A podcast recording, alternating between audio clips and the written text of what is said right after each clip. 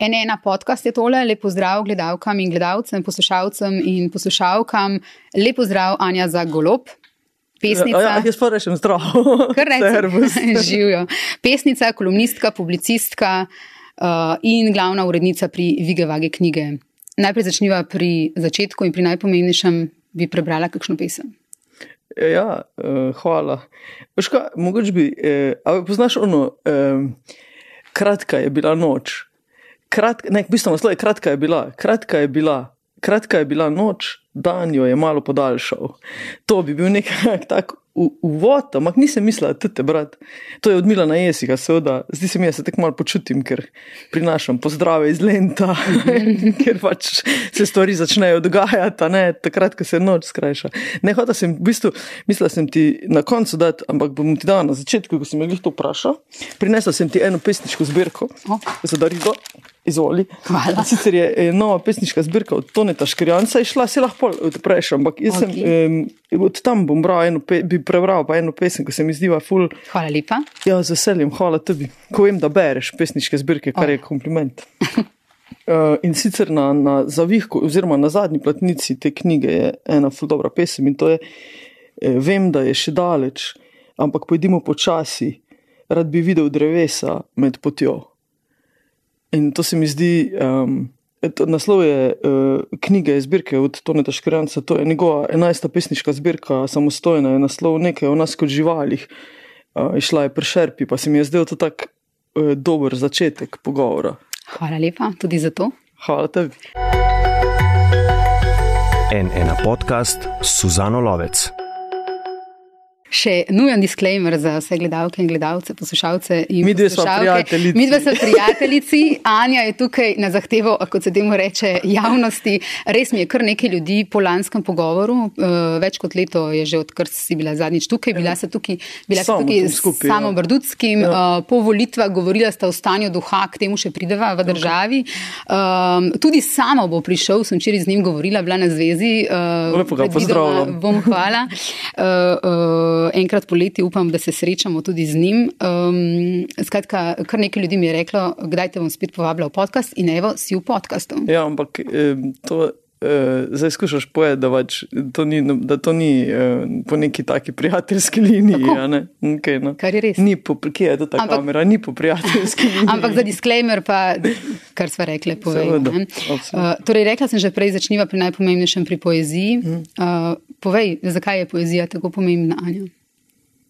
Um, to vprašanje me v bistvu zmerom spravi v, nek, um, v neko tako malce tesnobno vzdušje, zato ker ga je sploh treba postaviti. A veš, vedno mi to pol nek na koncu, zadnje dve minuti reče, a pa dajmo še, še nekaj v poeziji, hitro, ne. Eh, da je to nekaj takega, kar je tako, da bi bomo za zraven, kako pa že nima, zdaj pa res ni več kaj druga na svetu za delati, zdaj bom pa, zdaj pa demo še malo poezijo. No, pač tako je malo, veš, že to, da je na prvem mestu v tem pogovoru, jemljem kot dobro znamenje za pogovor in hvala. Um, ampak, ne vem, to me, to v bistvu, ta diskrepanca ali pa ta tesnoba v bistvu zelo dobro kaže, Eh, stanje stvari v svetu. Zato, če se moraš vprašati, veš, eh, pa ne mislim se tega kot, kot kritiko, ampak nasploh, če moraš svet spraševati se, mhm. veš, zakaj je poezija dobra ali pa zakaj bi mogla poezija obstajati, pa je neki ful hudo svetom narobe. Veš, enkrat smo imeli pri matematiki v srednji šoli en problem za rešiti na tabli. In je profesor je dal pluse, kao, če si ti, tisti, ko so rešili problem, so dobili pluse, to je pol vplivalo, recimo, da si dobil višjo ceno. No, tisti, to je bil še kar tak zagaman problem. Jaz nisem imel pojma, priznam. In zelo veliko mojih sošolcev in sošolk se ukvarjalo s tem. Pač sem bil na osnovni razred, veliko sem imel sošolcev in sošolk, ki so bili izjemno talentirani za matematiko. In um, na koncu, ko je profesor vprašal, a ima kdo kako rešitev. Je ena sošolka pač povedala neko rešitev, in večina se je strinjala, da je to prava rešitev. In uh, je vprašal, prav, kdo misli, da je ta rešitev prava. In je dvignil roke 95 odstotkov razreda. In pol je rekel, a, ma, a misli kdo, da je še kakšna druga rešitev? In je pija zemljič dvignil roko, ki pa moja sošolka. A, se šolka je bila? Ja, na, v srednji šoli smo bili mi sošolke. Um, edina. In je rekel, a se strinja kdo z, gospod, go- z zemljič? In se noben ni strinjal. Enih par nas ni dvignil, ampak noben, ker pač nismo jedli, noben se ni strinjal. In pa se je ful široko nasmejal in je vzel tisto knjižico svojo in je rekel: Zemljič, plus. Hočem reči, včasih je, a veš, včasih Pedri, ko mahajo zastava, imajo bolj prav, kot na večina, ko jih ko ni, ni za to. In pri poeziji je podobno. Pač to, da je ne bere vsak, pa bi jo mogel, še nič ne pomeni. Mogel bi jo brati vsak. Ko imam te delavnice, recimo za učitelje ali pa učiteljice, ali pa tudi, ko imam kakšne pogovore, recimo na to temo, ve- večkrat rečem, da ko rečejo, ja, pa to je težko, pa jaz ne zastopim, pa meni je to tako stuje, mi je v življenju, jaz imam moje življenje čisto drugačno, jaz imam, a veste, jaz imam otrok je boln, kredit imam za plačati, plačo so mi znižali, mož je službo zgubil, eh, ne vem, eh, tole imam sosede, ko so ful glasni, težijo mi, ne vem, moram se z milijoni stvari, mama moja je, ne vem, je v bolnici, ne vem, take stvari, ko so življenjske, ko, ko so primarne, ko se greš pač takoj vse spustiš, pa se greš z njimi ukvarjati ni fora, da mora poezija s tem tekmovati. V bistvu je pomembno, da, da je kljub vsemu temu to nekaj, kar je del tvojega življenja, kot, kot neka najbolj osnovna stvar. In pa sem primerjal enkrat, sem rekel, zobe si umijete dvakrat na dan, ker si jih mrte. To traja vsakeč tri minute, se pravi, imate šest minut cajta na dan, ko se temu posvečate. Če si nalepite na ogledalo v kopalnici pesem, ta je zraven, ko si boste zobe umivali ali pa ko te, se- ko te v kopalnici kaj delali, pa to, to prebrati, to traja eno minuto. Pri sebi sem dolgo mislila, da je to devalvacija poezije, da s tem devalviram, ker bi mogla imeti ne, tak prostor, veš, eh, ono, s- m, tišine poln in hrupa prost, zato da bi lahko se polusedel in se v tihoti in ono posvetijo. Ampak ni tak svet več. In se mi zdi, da je nekaj tak, da poezija vse to lahko prenese. In hrup, in, in, pač, in to na tisoč koncev biti raz, raztreščen, vse, da, da, da ima vse v sebi in da lahko vse, vse da se lahko z vsem um, spopade, je pa nujno. Zato, ker je to um, najboljši način vzgajanja, razumevanja metafore. Če ti ne razumeš metafore, ti nisi sposoben diskurzivne prakse. Ti ne moreš argumenta tvoriti, brez da bi razumel ali pa razumela metaforo. Če pa ne moreš tvoriti argumenta, pa ne moreš stopiti v, deba v debato. Če pa ne moreš stopiti v debato, pa tvoje mnenje ni zastopano, oziroma tvoj pogled ni zastopan. Ne bom sploh šel vse to, ko vseeno sodeluje v raznih debatah, kao, ne, in kriči eno čez drugega, kaj bo bolj glasno. Jaz ne govorim o tem, jaz govorim o debatah, ko so, ko imajo, ko so proaktivne, ko imajo smisel, da, ko, so, ko so bogate z materialom, pa ko imajo predvsem argument. In poezija, poezija to vzgaja, ker je to upisano v njo. Druga stvar, ki je fulj pomembna pri poeziji, je pa ta, da je odrešena pritiska kapitala in da je to neko mesto svobode, kjer ni treba imeti take srce ali pa one srce, ali pa kjer ni treba imeti toliko denarja na računu, ali pa kjer, kjer nisi opredmeten, oziroma opredmeten, dobesedno. S nekimi takimi zunanjimi kvalifikatorji, ki dana, današnjo družbo definirajo, se pravi kapital. Ker si v bistvu ti tak, kot si, lahko ti stopaš v, kot go in bos v, v dialog z neko pesmijo ali pa z, neko, z nekim pesniškim, neko pesniško zbirko, da bi, da bi od tega odnesel lastno ontologijo, potrdil lastno ontologijo, se staknil s tem, kar si, ko si človek. Uh, pri, na pogovoru pri Tjaši, ko pride zvuga, uh, ki sem ga včeraj poslušala, ko sem se pripravljala, si rekla, da je poezija na izvoru jezika. Uh -huh. Uh, mislim, da si zelo dobro povedala. Tudi sicer bi izjemno pohvalila uh, ta pogovor pri Tjaši, ko pride Pa zvuga. super je bilo, hvala. Ja, odlična, je sogo- od, odlična je ja, in bi jo priporočila gledalkam in gledalcem. Um, tudi ona izjemno lepo uh, ubesedi uh, vprašanja. Ne. Ona je tudi pesnica. Tako. Ona razu, mislim, da razume zelo dobro. Tudi ko je delala, mislim, da se je zelo pripravljala na ta pogovor, spomnim se ga. Uh -huh. Um, mislim, da je odlično povzela neke stvari in postavila neka vprašanja, ko so bila dejansko ontološka, še posebej v tistem času, ne, ki je bil ob, še o, s korono, pač s to epidemijo zaznamovan do te mere. In uh, tudi o kultiviranju budnosti si govorila v tem pogovoru, uh -huh. oziroma sta govorili, da v bistvu je poezija nekaj, kar kultivira to budnost, da smo v bistvu, če se grobo zravi, tako. Ja. tako. Ja, v bistvu te vedno, vedno znova vrača. Um, skozi neko pesem, ko to traja res malo časa, veš ti povprečno. Jaz sem prej recimo prebral, to Nemčija vzela 10 sekund. Mm -hmm. Je pa taka pesem, ko lahko cel pogovor ta zaznamuje, ko lahko cel dan zaznamuje. Jaz res ne razumem, veš, ko včasih stojim tu v konicah, kakih pa v avtu, pa čakam pač, da bom. Ne, In so ljudje tako živčni, tako nervozni, tako tak, eni se nutri probajo uturiti, pa brž migucu, pa, pa na, res na, na, ta, na osku, pa res pa trobijo, pa delave, pa kričijo, smo včasih tako, po moje, sem nervozna. Ampak, a veš, zakaj bi tako začel dan? Zakaj bi sam sebi to delal? Zakaj bi, se, zakaj bi sebe, pa svoje možgane, pa to, če so vsega so možgani sposobni? Če se, kaj vse ti lahko kot človek, če se vsega si ti kot človek sposoben, da ful hitro tečeš, da si ljubeč do svojega otroka, da, da, da si sposoben neke kompleksne enačbe reševati, da lahko ne vem, zvezde gledaš, da lahko čutiš, kak je narava večja od tebe, vse te stvari, zakaj bi si to jemal? Zakaj bi se reduciral zgolj na to, koliko imaš, eh, koliko so te najbolj, te najbolj ogolele v kar te tira kapitalizem, potrebe, ko jih moraš zadovoljevati, zato da bi lahko pol več proizvajal, da bi jih lahko še več zadovoljeval. Zakaj bi, se, do, zakaj bi sam sebi dovolil, da se reduciraš na zgolj na tisti najbolj on, osnovni krožec, krožina tega. Rabim nekaj, moram zaslužiti, da si lahko kupim, pol pa rabim še nekaj, pa si moram zaslužiti, da si lahko kupim. Če te, to zdaj karikiram. Ampak. A veš, ko pa vendar imaš možnost sedeti v knjižnico, če nimaš doma, tako reko zastojen, pa, pa si vzeti, kar hočeš, pa prenesti en kup domov, pa pogledati, pa vsak dan eno prebrati, pa začeti dan na tak način, ali pa končati dan na tak način, ali pa vmes. A veš, ni to vprašanje meditacije, tisti je nekaj drugega. To je vprašanje neke popolne pozornosti do jezika, do tega, kaj je bil jezik. Prej smo ga začeli uporabljati za tiste najbolj osnovne stvari, ki jih moramo zdaj povedati, kaj boš imel v trgovini ali pa kaj boš ne. ne. Ampak za one stvari, ko, tam, ko je bil večplasten, ko je bil sposoben, ko je in je še sposoben povedati več kot samo to, kar izreče z besedo.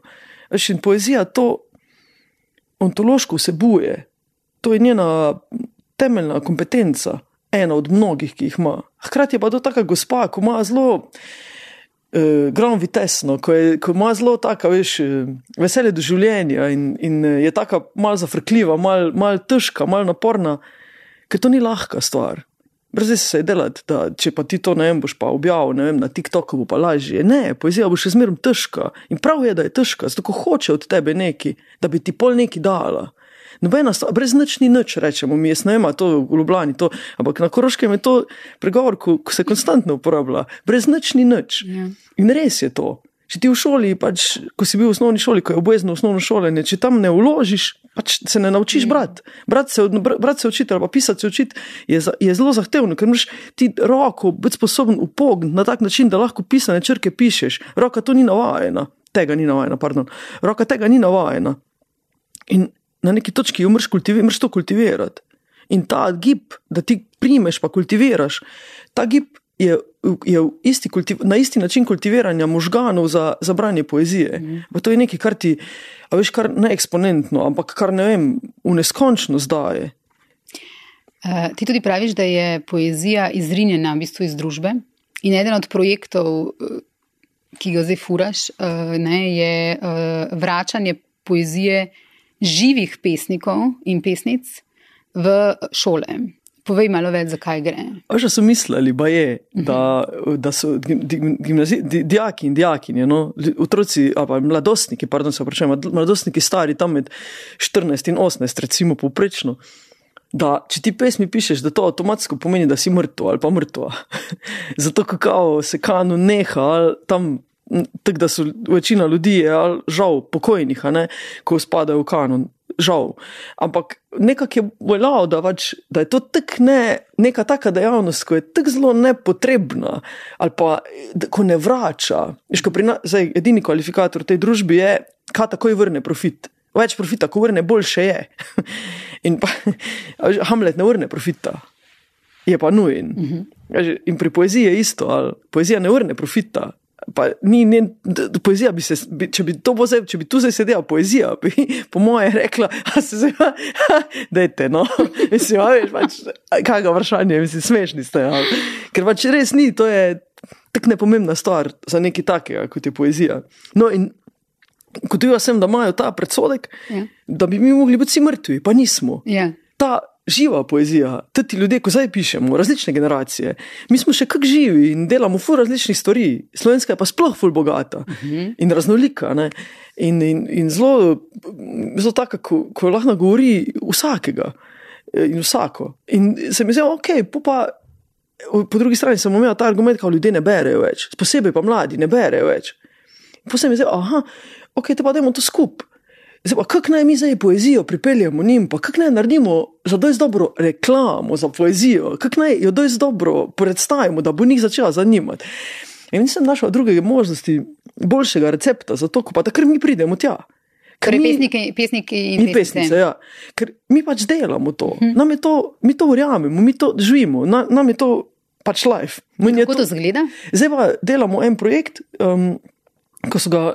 Jaz sem dal pobudo, pa je pionirski dom pristopil k tej pobudi, pa so prijavili tudi projekt na evropsko, eh, za, evropske, za evropsko sofinanciranje in povabili so zraven še eh, mednarodno druge organizacije eh, iz Evrope. Tako da je zdaj skupaj pet partnerjev, en iz Finske, en iz Polske, iz Mačarske, iz Srbije, pa, pa, pa pionirski dom iz Slovenije, ko je nosilc projekta. Um, in zdaj se dve leti pripravlja na to, dela se, na koncu bi radi imeli tako, veš, eno knjižico, kjer bi bil tak know-how, kako to narediti, kako spraviti enega pesnika ali pa pesnico v šolsko uro. K- Kaj lahko od tega pričakuješ, pričakujejo dijaki in dijakinje, kako se naj na to pripravijo učitelji in, oziroma šola, in kako se naj na to pripravijo pesnice ali pa pesniki. Zato, ni point v tem, da ti priješ tja, pa pol tam ne veš, kaj bi. Ampak je pomembno, da izkoristiš tih 45 minut za dialog. Eh, Skratka, v petih državah bodo pesnice in pesniki brali. Zdaj delamo, ja, zdaj delamo dve leti ta projekt, tako da en drug, od drugega jemljemo. Vsi poskušamo to isto. Najprej smo imeli delavnice za pesnike in pesnice, pa smo imeli delavnice za učiteljice in učitele, pa smo to združili, da so se oni med sabo spoznali. Smo imeli delavnice za oboje. Zdaj bojo naslednje pripravljalne delavnice za to, kako gremo v šole. In vmes so srečanja med posameznimi ekipami iz posameznih držav, kjer preverjamo, kaj pri komu deluje in kaj ne, od teh principov, ki jih uvajamo. Um, in pač eno drugega se učimo, zato da bi na koncu, dobri, na koncu pač prišli proti nekemu, nekemu načinu, nekemu, neki, ja, nekemu know-how, no, neki vednosti tega, kako to narediti dejansko. In pol bomo šli v šole, pol bo en dan, leta 24, jaz navijam zelo, da bi bil eh, Kosovelo rojstni dan, upam, da to bo, ali pa je nek tak dan, ko nas bo najprej nas, nas sodeluje deset pesnic in pesnikov, pa jaz, eh, kot enajsta, eh, nas, mi bomo šli v šole, mi bomo prvi, to bo tak eh, ena pika nula, pa bomo pa videli, pa se bomo iz tega probali še kaj naučiti, da bi to pol delovalo kasneje, če bo delovalo v praksi kot um, primer dobre Ok, okay, prakse, ko jo lahko vsi uporabijo. Ampak ti že imaš izkušnjo. Ja, kaj, kaj se ti je recimo zgodilo v Mariboru? Naj... Ja, jaz sem bila povabljena na, srednjo, na več srednjih šol, ampak to je prav konkretno primer iz ene srednje šole v Mariboru, kjer sem eh, bila povabljena na, na to, da pridem eh, na eno uro pri eni profesorici, ki na tej šoli uči in je, bila, je del tega projekta, se pravi, je bila na tej delavnici za, za učitele in učiteljice. In je pripravila ustrezno pač že dijake in dijakinje četrtega letnika, eh, zato da bi četrtega C, ki jih pozdravljam, ful, um, da, bi, da, bi, um, da jaz pridem. Se pravi, da nekdo pride, ki je pač pesnica, pesnik. In so se oni pripravili na to. Oš, oni so imeli prej priprave, oni so bili. Oni so, meni, oni so brali, en, niso vseh mojih pesmi, ampak en izbor mojih pesmi, na kar so se vdali v skupine po štiri in so naredili tablovi von iz, iz mojega, iz, en, iz pesmi. To, kar je njim pesem pomenilo, to so oni uprizorili. Kot, kot, ne. In to, to je noro, da ti lahko, pa pogovarjali smo se, mi bi mogli imeti dve šolski uri, pa po mojem smo imeli tri, uh -huh. ker pač smo pozabili, koliko je ura, va, ni važno. Pač, um, bil je to najbolj, mislim, da je bil to moj najboljši odziv, pa obisk v šoli do zdaj, ker so. Najprej pa sem pol tudi je vpra- super je naredil, ker je vprašal njih tam, ko smo še skupaj sedeli na koncu, kako se je vam to zdelo, da ste zdaj imeli možnost, ne vem, pač direktno, di- direktne po, konverzacije, pogovora s pesnico, da ste lahko, da ste skupaj brali pesmi, da ste lahko vprašali, kar ste hoteli, da smo se pogovarjali, da ste govorili, da smo govorili tudi o teoriji, poeziji in tako. In en fant se spomnim, rekel, jaz sem bil ful skeptičen na začetku, tako ni mi bilo, to mi je ful tuje, tako ful mi ni. Ampak sem zdaj tu sedel in sem vas poslušal in razumem, kaj ste hoteli povedati. Ne, jo je navdušen, ni, ni bilo to sploh pojem, tudi če je bil super, ampak ni bil to, nismo se o tem pogovarjali, ampak veš ta občutek, da ti, če pokažeš, to isto, veš, ko, ko eni ljudje, dru, družina reče, uh, uh, Pedri smrdijo, pa pa ugotovijo, da je njihova eh, vnukinja lezbika. Pa pa rečejo, ok, Pedri smrdijo, sem naša, pa ne. A zato, a veš, to je pač tako, eh, eh, poezije ne maram, recimo. Uh -huh. Razen če zdaj, ne, če srečam nekoga, ko me bo navdušil. Te pa bomo mi, ko to itak delamo v življenju, probali navdušiti. Navdušiti mlade. Te dijake, pa dijakinje, oni imajo pa doma, familije. A veš, in to, to je nekaj, kar bi pomagalo, lahko potencialno, da bi, da bi ljudje spet, če, če so zgubili to med potjo svojo pesniško zbirko, a ne, da bi jim jo nekdo dal ali pa da bi jo oni šli iskati v knjižnico, zato da bi imeli v svojem življenju eno poličko s, s pesniškimi zbirkami, ko so kul, cool, ko to ne grize. In da bi se vračali na izvor jezika. Pa tudi ne košta toliko, veš, da se ne bi, da se ne bi dal. Tak, Ne, niso spet ne tako drage, ali pa iz knjižnice, se vseeno, če nočeš dati, ampak ja, fajn je, da jih imaš doma, da lahko to počneš redno. Ja. Le, tvoje pesmi so prevedene v, mislim, da češčino, španščino, bolgarščino. Ja, pač v ene par jezikov. Ja. Tako angliščino, hrvaščino. O, ja, en, ja, nekaj so v zbirkah, nekaj pa tek, da so enih par je zbirki šel v prevodu, nekaj pa tek, da so recimo v antologijah ali pa da recimo neka revija v tujini se odloči, da bo nek blok objavil, pol pa ti prevede recimo ne vem, tri do pet pesmi, naprimer. Ampak v nemščino pa cele zbirke. Ne? Ja, ja, ja, enih par je pa zbirke. Ja. Kako pa, ko ti nastopaš v tujini, Mhm. a lahko primerjaš ta odziv publike v tujini pa v Sloveniji? A je kaj drugače? Um, ja, je odvisno od lokalnega kolorita, pa tega, kako, pe- kako vlogo in pomen ima uh, poezija v neki družbi, oziroma ga je, je zadržala. Uh, pri, ne, v Nemčiji, recimo, je zelo, um, je to um, veliko bolj, um, kako ne rečem, um, veliko bolj dobrodošlo se počutim tam, veliko manj enklavizirano se počutim tam. In tudi vprašanja, ki jih dobivam od publike, so, um, so elaborirana. In imam, mislim, so, se vidi zadnji kilometrina prebranih pesmi. Ne pravim, da v Sloveniji ni tega, je. Samo v veliko bolj, um, v veliko teže prijem do tega. Veliko uh, veliko redkeje se to zgodi. Sto- V Nemčiji se zgodi praviloma ali pa v Avstriji. Um, tu pri nas pa bolj, bolj izjemoma. Jaz sem seveda takrat izjemno vesela, ko pride do tega, veš, da ne, sam žal je tako, da um, je teh večerov vedno manj in je pesniških zbirk in vedno manj, ko se izdajo in je založb, eh, ko bi delali zbirke za poezijo, vedno manj in je prevodne poezije tako rekoč ni več, kar je grozno, ker pač ne dobivamo, ne dobivamo nekih um, vplivov od zun. Um, čisto singularno, če se kdor, kdor se pač sam potrudi, ampak družba kot taka, ful nima več tega, do te mere, ko bi rabila, da bi bil zdrav. Smo že mimo onega, ko je bo še zdrav, zdaj je mm -hmm. akutno to. Res. Ej, kaj imajo skupnega Ekaterina Velika, čaj, vlaki in kislovski? Namreč, poleg uh, pesniške Kaj se pa to dobro postavlja, to vprašanje? Ja, si se pripravila, si razmišljala. Ja. Odlično se vidi. Uh, namreč, poleg pesniške zbirke, pišeš zdaj tudi zbirko esejev mm. o vseh teh stvarih, ki sem jih recimo naštela, pa še o kateri. Mm. Uh, Porodila se je ta ideja med korono, ni pa to zbirka o koroni, Ne, niso to o, uh, eseji o koroni. Res ne rabimo še, še ene take, ne. ne. Eh, Je, je pa to, čeprav razumem, zbirka, oziroma to so eseji o pomembnih rečeh v življenju. A sem prav rekla? Ja, ja prosi, veš kaj, naslov bo eh, te zbirke, upam, da mi je uspel do konca napisati, ne smeš nikoli prehitro reči, ampak imam pa naslov, naslov bo poskus vsakdanjosti. In to je, eh, bi rada, da bi bila to zbirka esejev, ja, ko sami po sebi ne bo zdaj sveta spremenili in tudi ni namen, pač. Ni sovražim, veš to, vedno bolj začenjam sovražiti, prav občutek imam ta res tega, a, da postajam nervozna od tega, ker bi vsi radi, da bi vse vse pomenilo. Ne morejo več biti stvari obrobne, ne morejo več biti, a veš, vse mora biti histerično, vzeto, kot a veš, ker vidimo ljudi, ko kričijo z onimi tipkovnicami, z onimi capsloki, pa ko mi pišejo, ne, monova, kdo si, veš, pa kak si ti, kaj pa, kaj, zakaj si pa ti lahko na televiziji, pa zakaj imaš pa ti lahko kolumne, jaz pa ne. A veš, kot da ne obstaja mesto urednika, nekoga, ki bolj šve. Tega ni več, da bi nekdo bolj švedel. In tudi jaz sej nočem biti nekaj, kar bolj šve, hočem biti nekaj, kar je obrobno. Jaz sem hotel narediti to kot nekaj res fulnežnega.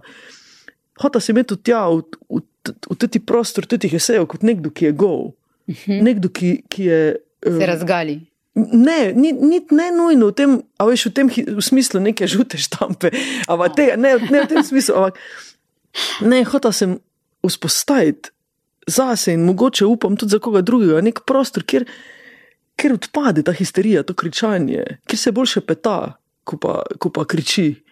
Zdaj se mi da rabim tako mesto, kjer bi se, veš, kjer bi, oprosti. Ne, ne, kar- ne, ne, kar poj, ne, poj, poj. Torej, še petala boš o Ekaterini Veliki, čaju, vlakih in vem, če lahko kdo besedno zdaj to povzameš, a veš, ne vem, če je možno zdaj tek ena na ena prevesti. Ne bolj hočem, oprosti, slabo opisujem, jaz sem kriva, ker slabo opisujem. Hotel sem si, a veš, bil je tak čas in samo iz tega, ven, to, zato sploh epidemijo navajam. Sem zaradi tega, ker bi rada v bistvu opisal, v kakem času je to, se je porodila ta ideja in so začeli nastajati esej. Nima pa drugačno nobene veze, s tem in tudi nočem, da bi imel, ker res ne rabimo, res majke, mi ne rabimo še ene knjige o epidemiji, no, ali pa še ene pesniške zbirke, pa še ene knjige, zdaj resno, mislim, halo, no, mičkeno bolj elaborirane bi pa stvari vendarle morale biti, no, ne tek na prvo žogo. Ampak bil je nek čas, veš, ko, je, ko so se stvari fizično zmanjševale. Spomnim se, so- takrat smo se pogovarjali Ja. in uh, smo obe ugotovili, se spomnim med, Ja, med, ja. eh, v tem času, da smo izjemno skrčili število ljudi, s katerimi komuniciramo in z njimi komuniciramo bolj. A veš, da sem si, ja, veš, Ja. sem si prav tako naredil, moram na dan. Takrat, ko bo najhujš, ja. moram na dan enega človeka vsaj poklicati in se pol ure z njim omeniti. Mhm. In pa dobro, 25 minut ali pa 3 četrt ure vseeno, ampak moram se resno meniti z nekim človekom, ne samo mimo tega, kako je vreme, kako si, a, ne vem, kaj se, a veš, kako je grozno. Ampak o ne vem, o knjigah, o filmih, o, o njihovih otrocih, o ne vem.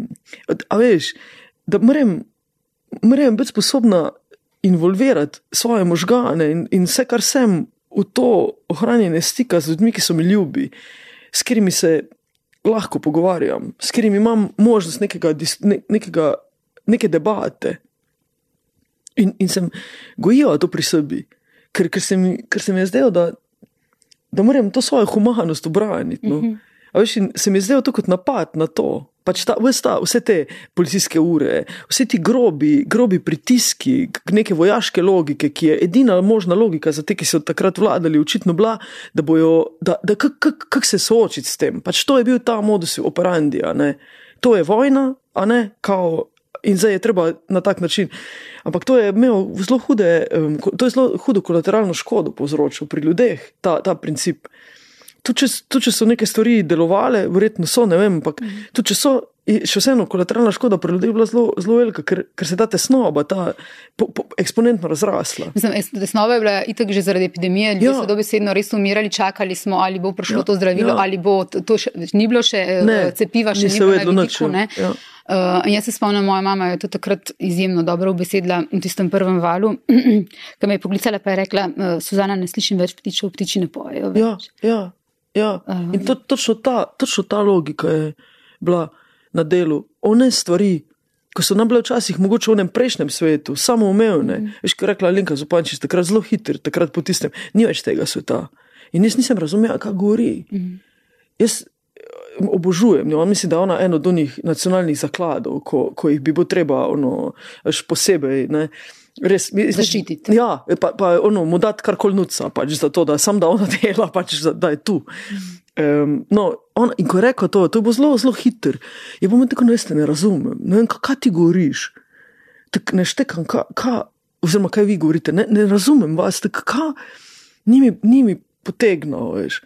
Ampak pol, ko so, ko, veš, vedno bolj, ali ko so ti valovi prihajali, ko, so se vedno, ko, se, ko se je stiskal vedno bolj, ko se je manjšal vedno bolj, ko, so bili vedno več, ko je bilo vedno več tega terorja na vseh nivojih, ko si ga občutil kot dobesedno, veš, kot da nekaj pritiska na tvojo kožo, ne? ko so se take stvari začele dogajati, ko si opazil neke stvari, ko so ti bile mogoče prej samo umevne, zdaj, ni, zdaj niso več, ali pa so zdaj tako, da jih vidiš, da jih ni. Mm. No, iz teh zevov, iz teh nekih cezur sem hotel narediti v bistvu eseje. In so prišli ven kislovski, Take stvari, čaj, Vlaki. Take najbolj, veš, tiste res najbolj ontološke stvari za mene so, da se jih jaz pišem. Pač valjda eseji so vedno obarvani z neko, z neko patino tistega človeka, ko jih piše. Ne moreš uiti, da bi se skril ali pa skrila za neko to neosebnost. To v bistvu ni mogoče. In eh, t- to nima smisla, pa pač tega ne delaš. Ampak, um, ne vem, hotla sem. Ja, vprašati samo sebe, pravzaprav, kje stvari so one a veš, ko mi zdaj tako manjkajo. Uh -huh. Ko jih ne morem, tudi če so tam, tudi če si jaz dam zdaj cel opus Ekaterine Velike, ne bom ga na isto poslušal, uh -huh. kot sem ga prej, zato ker ne bom šel, ker je kontekst ful pomemben. Uh -huh. In je bil kontekst popolnoma drugačen. In v tem kontekstu sem, nisem se mogel. A veš, ko imaš občutek, včasih, ko bereš pesniško zbirko, da bo ena pesem, ko te bo potegnila, ko bo imela nek huk, nek, nek, nek veš, eh, kako se reče to, eh, trnek, ko se boš ti na njega up- uprijel ali pa uprijela in te bo potegnila, not, ali pa pri albumih je tako. Imaš album, ki je konceptualen, recimo pri Tinder Stixik imam jaz vedno ta občutek, da vedno, ko dobim album, vedno gledam, kje bo tista pesem, ko bom najprej. In pol skozi njih priješ čez vse, ampak prvo ena je taka, ko mora biti stop. In tega nisem več zaznal, nisem mogel ujeti tega, tega več. Pa vedela sem, kje so za mene v, pri, pri album, v albumih Ekaterine Velike ti trnki nastavljeni, vedela sem. Ampak nisem vas sposobna primiti zaradi konteksta, zaradi okoliščin. Zaradi tišine v bistvu.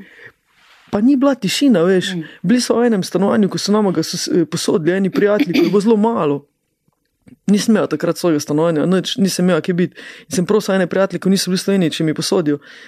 In eh, moja takratna punca, zdajšnja žena, ja, je, je pol prišla z mano tja živeti. Čau, Zala. Ja, zelo za. Je prišla, zdaj, je prišla eh, tja zraven živeti in, in tam so bili eni sosedi, ki so bili grozno glasni. Bolj ko je, to, bolj, ko je stiskal, bolj so bili oni glasni. In na koncu enkrat se mi je zmešal od tega, mislil sem, da sem bil utrgal.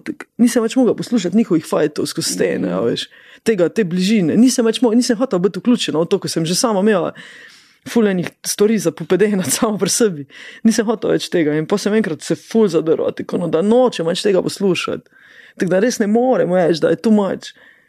Da, da, da, da sem sita tega, da moram skozi stene poslušati, ki se oni fajta, ali kak, ne vem, kaj ga pijejo, ali pa pač karkoli so počeli. Pač slišal sem stavke, ko so jih govorili, mm. grozno je bilo. Da ni ba, ne, ne, ne, ne spomnim se tišine od takrat. Pa še bežala sem, šli so, eh, kršili so zapoved, pa so šli čez mejo Ljubljanske občine na barje hoditi, ker sem, eh, da, tam je, pa, tam sem. In tam so bili edini taki, veš, edina, edini taki žepki. Mm. Polni tišine ali pa nekih živali, ko so, ko so tam živeli, dokaj nepremoteno. In ko si njih videl, si imel vse občutek, vse jaz sem imel tak občutek, da vse one žuželke svobodno letajo, oh, ko bi lahko tudi jaz, ali Aha. veš. Ne. Je. Um, zanima me, kakšen je tvoj komentar po letošnji paradi ponosa, ki dogajanje ob tej paradi je po nekaj letih močno dvignilo prah in govorimo o tem, in prav je, da govorimo o tem, in treba je o tem še kaj reči. Uh, pa me zanima na tej točki uh, tvoj komentar. Tega dogajanja po paradi. Nekateri namreč ne razumejo, zakaj je parada leta 2023 še potrebna. Pa ti povej, zakaj je potrebna. Ja, glih za to. Glih, glih za to Ker ne je potrebno. razumejo. Ne, zato je to vprašanje, Ja. je to vprašanje postavljeno. Ja. Zakaj je? Ne, saj meni je potrebno? jasno. Da Ja. vem, da ne vem. A res? Ti sam zdaj pa ne vem. A si prepričan? A dej, kako si to? Vse meni je jasno, veš. Aha, super. Um, pač dokler je postavljeno to vprašanje v družbi, pa dokler je postavljeno kot nekaj, kar je povzeto oziroma relevantno, gre skozi medije, recimo, eh, zakaj je parada potrebna, dokler je potrebna. Tak- Takrat, ko se ne bo več treba sprašovati o tem, ali je potrebno ali ne, pa bo to pač neki, o, le, oni pa tam hodijo, ne, o, kako fajn, zanimivo, ne, o, kul, cool, ne. Takrat pač bomo vedeli, da ok, ampak to ne bo nikoli tako pravice za eh, svobodno odločanje, pravice o svobodnem odločanju otroka je celo ustava upisana. Ne pomeni, da je enkrat zavedno izborjena, ampak je vedno treba, vedno znova se nekdo spomni, da bi šel moliti pred porodnišnico. Pač je treba vedno znova. Vedno znova pridejo, pride nov rod politikov, konzervativnih, ki, ki želijo to preizprašovati, vedno znova. In se nič hudega, pač preizprašujte, valjda, ampak eh, upisano je v ustavo, demo, a ne. In ta fajt je treba vedno znova boriti. Vedno znova se je treba boriti, eh, se je treba izboriti za to pravico. In tukaj je mm, podobno, veš. Pričakoval sem, da me boš to vprašal, zato ker vem, da je sveže, pa, pa ker vem, da svojo cis nenormativnostjo vedno znova, ko se pojavim v medijih, dobim, eh, nekako evociram to vrstna vprašanja, samo da ponovadi niso postavljena tako eh, eh, tak spoštljivo, kot je bo zdaj tudi to, ampak se ponovadi tako no, eh, me naslavljajo v srednjem spolu, recimo, ali pa. Eh, To, tisto, ne, ali pa ne vem. To se dogaja, recimo, po tvojih kolumnah. Ja, po vsaki, tako rekoč. Ja. Imela si zdaj, recimo, kolumne na valu 202 ja, jajca, predtem ja. si imela kolumne na uh, Studio City uh, in se dogaja v bistvu, da se ljudje Ja, vedno se v bistvu zgodi en tak eh, backlash, pač neka klofuta, ko pride od zadaj, ko mhm. sploh ni povezana z osebino. Na, tek, do te mere iritiram, očitno to, kak sem, da, da sploh ne pridemo do osebine, oziroma nočemo priti do osebine. Jaz bi lahko napisal kolumno čisto diht, tako da ne bi bilo kaj v bistvu, da bi pač stvari stale. Ne pravim, da ne, ampak lahko bi. Tudi če bi, ne bi nič pomagal, dokler je bilo to jaz. A že je full hit, ko mi tu sedimo, ali ti ustrezaš, kao, na, veš, po, neki, po, neki tej, po neki tej standardizirani logiki, ali ne, nekemu, nekomu, ki je. Veš, cis ženska, ali ima še vse atribute, veš, in, in ni problema, in te, ta, ta um odkluka. Ali, jaz pa sem isto ženska in se identificiram kot ženska, absolutno, ampak me ne. Uh -huh. Veš, in je vedno znova se, se zaletavamo to. Veš, pa, zabavno je, ker smo mi prijatelji. Uh -huh. in, in je fajn, ker, veš, ker v najnem prijateljstvu večkrat naletimo na to, ali da pač se v tem preizprašujemo, glede zaradi tega, ali ker tako različno zgledamo. Ampak jaz ti zgledaš zavestno tak in jaz gledam zavestno tak. In oboje dvoje bi moralo biti normalno. To pogledno priznano, pa ni. In zato rabimo parado, če uh -huh. hočeš tak direktno odgovor. Super zato, ker ni. Polje pa še. Veš, sem razmišljal, pričakoval sem, da me boš, da boš vprašal, in da ko to snemamo, ali mi dve, ali so se v bistvu dogajali te protesti um, um, v Ameriki, ne, v Stonewallu. To, to so leta 69, včeraj, ne, iz noči na predčerajšnjem, pa na včeraj se je zgodil ta, um, ta, ta upor policiji, ne, agresivni policiji. Um, ki je še enkrat več prišel tja, ne, izvajati pa tra, pač racijo. Ne. In to je v bistvu nek glavni mejnik, ko ga uh, eh, LGBTQI uh, um, plus gibanje ne, uh, praznuje, oziroma spošt, spoštljivo se mu k njemu vsako leto vrne uh, v obliki parade. Um, da se pokloni spominu vsem, ko so bili pred nami in so se, se uprli in uprle um, nasilju policije zato ker niso smeli biti to, kar so in so se morali zatekati v take enklave, enih parih kafičev, ker so, ker so lahko si dovolili to. So da so bliže pred njimi ljudje, absolutno, vse poznamo, a ne, hvala Bogu, in za njimi. Ampak eh, Stonewall pomeni nek tak, neko tako preukretnico za nas in bi moral za vse. Uh mhm. -huh. Rosa Parks se ni borila samo za temno polte, ona se je borila za človečnost. Zato, da mi kot ljudje, z našimi partikularnimi lastnostmi, neuniformiranimi, um, lahko obstajamo kot ljudje znotraj neke skupnosti, ko ima smisel kot skupnost, samo če dovoli in upošteva manjšine in če se zaveda, da pač je močna samo toliko, ker so manjšine močne. Zdaj, ta konkretni napad, oziroma ta konkretna, ne, ti konkretni izkazi neke agresije, uh -huh, izkazi agresije verbalne bili, ja. ali pa dejansko fizične, ne, ko so se zgodili m, zdaj po tej aktualni paradi, pa mislim, da so znak, o katerem je treba uh, govoriti podrobneje. Ne moramo jih odpraviti s tem, da. Um, nas boli, ali pa s tem, da bi tega tako morali biti navajeni, ali pa, ali pa s tem, recimo, da jo obsojamo. Zelo v tem kontekstu se mi zdi, da je res premalo to, kar je naredil državni vrh. Fajn, da so se ljudje, da so se ogradili, pre, premije, predsednica, predsednica državnega zbora. Fajn, da se je vrh pač ogradil od tega, ampak kaj pa zdaj? Uh -huh. Mislim, da je treba več zahtevati. Jaz osebno sem pričakoval enotno izjavo, ki bo, ki bo enoznačno in brez kakršnega koli blefa og, um, obsodila vsakršne uh, poskuse nasilja ali pa dejansko nasilje v kakršni koli obliki do vseh udeleženk in udeležencev parade, prej ali pa pol tudi. Ker um, se mi zdi, da, je, da bi tak znak bil minimalen znak, ko bi ga bilo treba poslati v družbo in reči ne, en, en, enoznačno brez kakršnega koli slepomišljenja, da se tu ne slepomišljimo, kot je rekel, ne, tega ne. Tu je meja, tega ne. Za vsako ceno. To nočem ob, obsojati teh ljudi, da v zadnji kupčkajo, uh, uh, za ne vem, kdo bo zdaj jih podprl in kdo jih ne bo podprl. Nočem jim tega, nočem reči, da je tak. Upam, da ni tak, ker so to stvari, ko so v družbi absolutno nedopustne, za kogarkoli bi šlo. In relativiziranje um, je, je v tem oziru, v vsakem, mislim, je, je, je degutantno, je nesprejemljivo, ker je nedostojno. In, pol, in vse, kar je manj od tega, tudi če so posamične, pa to, kaj bomo zdaj naredili, me zanima, kje so programi, uh -huh. kje, so, kje so načrti za to, uh -huh. kako bomo v družbo vnesli več razumevanja, zakaj, zakaj pa rada mora biti. Kako bomo vnesli več nekega, več, več občutka za to, da, je, da so raznolikosti v družbi to, kar je osnova humanizma.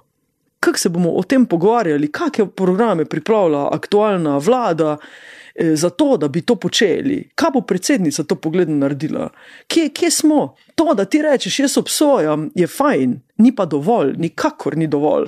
Testi, de, testi dekletu, ko smo na, bar, na Bavarskem dvoru spulili zastavo in ga, pred, in ga užgali, kakor spača, ne, ni dovolj, meni ni dovolj, pa nisem pa.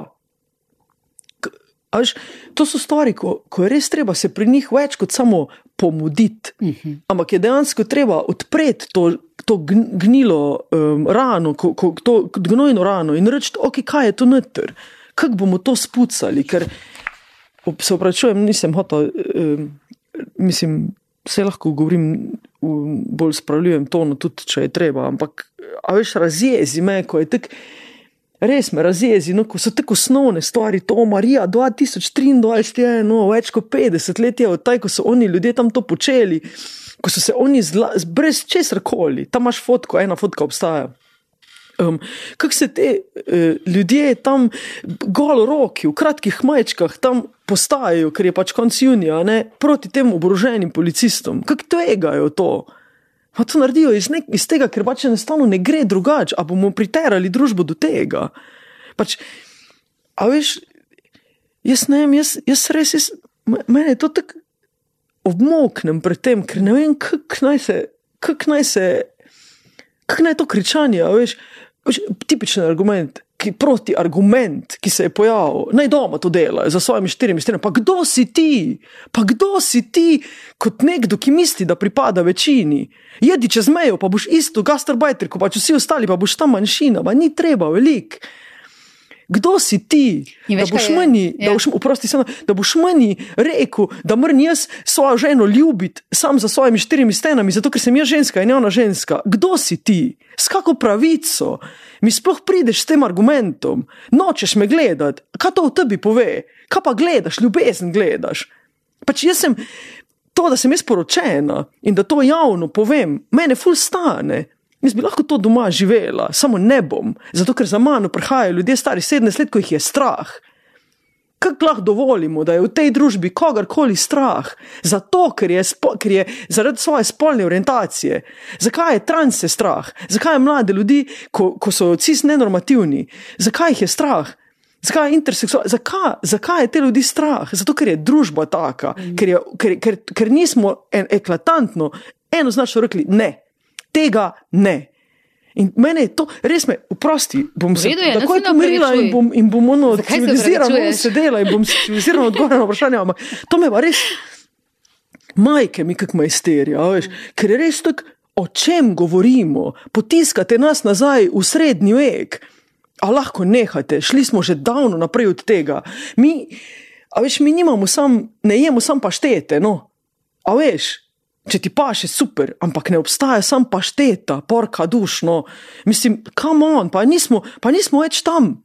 So, jaz osebno res mislim, da družba, ko ne razume osnovne solidarnosti, A veš, družba, ko dovoli, da mi nekdo pred nosom vzame, parkir plas, pa se mi osmeji, ko sem tako tele, da sem se ustajal, da se mi ni zabil v avto, taka družba nima prihodnosti. Pa je ne moramo se, kam se bomo pa razvili, kaj bomo nazaj na drevo, je splezali, pa, pa ne vem, se drli dol, ali kaj. Peč, mislim, v, ne, ne uh, kako ne rečem, v, medmetih, ne v jeziku, ki ga, v fantastičnem jeziku, v katerem so, so nastale take briljantne eh, storitve, kot, so, kot je recimo, ne vem, eh, zdravljica, če hočeš. Eh, a veš, peč, ne, kak, kak, kak lahko svojim otrokom pogledaš v oči, pa to rečeš. Kak lahko rečeš, da boš postal tak svet, ko boš šel.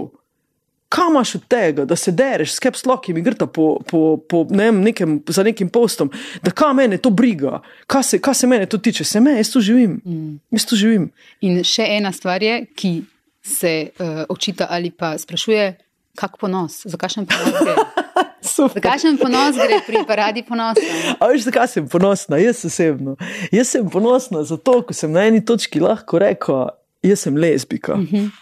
Jaz leta in leta, se vprosti, ker bom odgovoril s svojim primerom. Vem, da je to, nočem nabirati nekih točk tu zdaj, ampak najlažje ti povem z vlastnim primerom, zato, ker ga najbolj dobro poznam in pa še v kontekst. Jaz si nisem upal tega reči, jaz sem iz malega kraja. Jaz, sem, jaz, jaz, živim, jaz, sem, jaz prihajam iz okolja, kjer, kjer je bolj biti tih, a veš, kjer moč vlada. Tisti, ko ima bolj glasno kriči, tisti, ko ima, ko ima bolj mišice, tisti zmaga. In si nisi upala reči, da si Ne, lezbika. ne, nisem. Dokdaj? Do, bila sem po mojem stara že 27-28, ko sem prvič, pa nisem rekel, nisem rekel. Nisem, nisem si upal javno izreči. Nisem upal se sama pred sabo reči, da bi doma stala, bi to rekel, nisem si upal. A veš, koliko to- a veš, koliko je to ponotranjeno v tebi, a veš, koliko je ta strah, ta bolečina, ta norost tega, kar, kar dela večina. To posiljevanje tega, veš, z, s tistim, kar je najmanjši skupni imenovalec, kako je to inkorporirano vate, da ti sam pred sabo nisi sposoben izreči nekih stvari in da te je sram, da te je sram, da ti je hudo, da te boli zaradi tega, da misliš, da je nekaj s tabo narobe. Jaz sem mislila, da je nekaj z mano narobe, jaz sem mislila, da nisem prav. A razumeš, da, da, da ne morem tako biti, da, biti, da se mora nekaj, nekaj spremeniti, nekaj narediti. Mislim, zdaj, ko o tem, nisem nikoli javno o tem govoril. V bistvu res nisi. Ne, nisem, ker pač se mi zdi, da je to neka stvar, ko bi.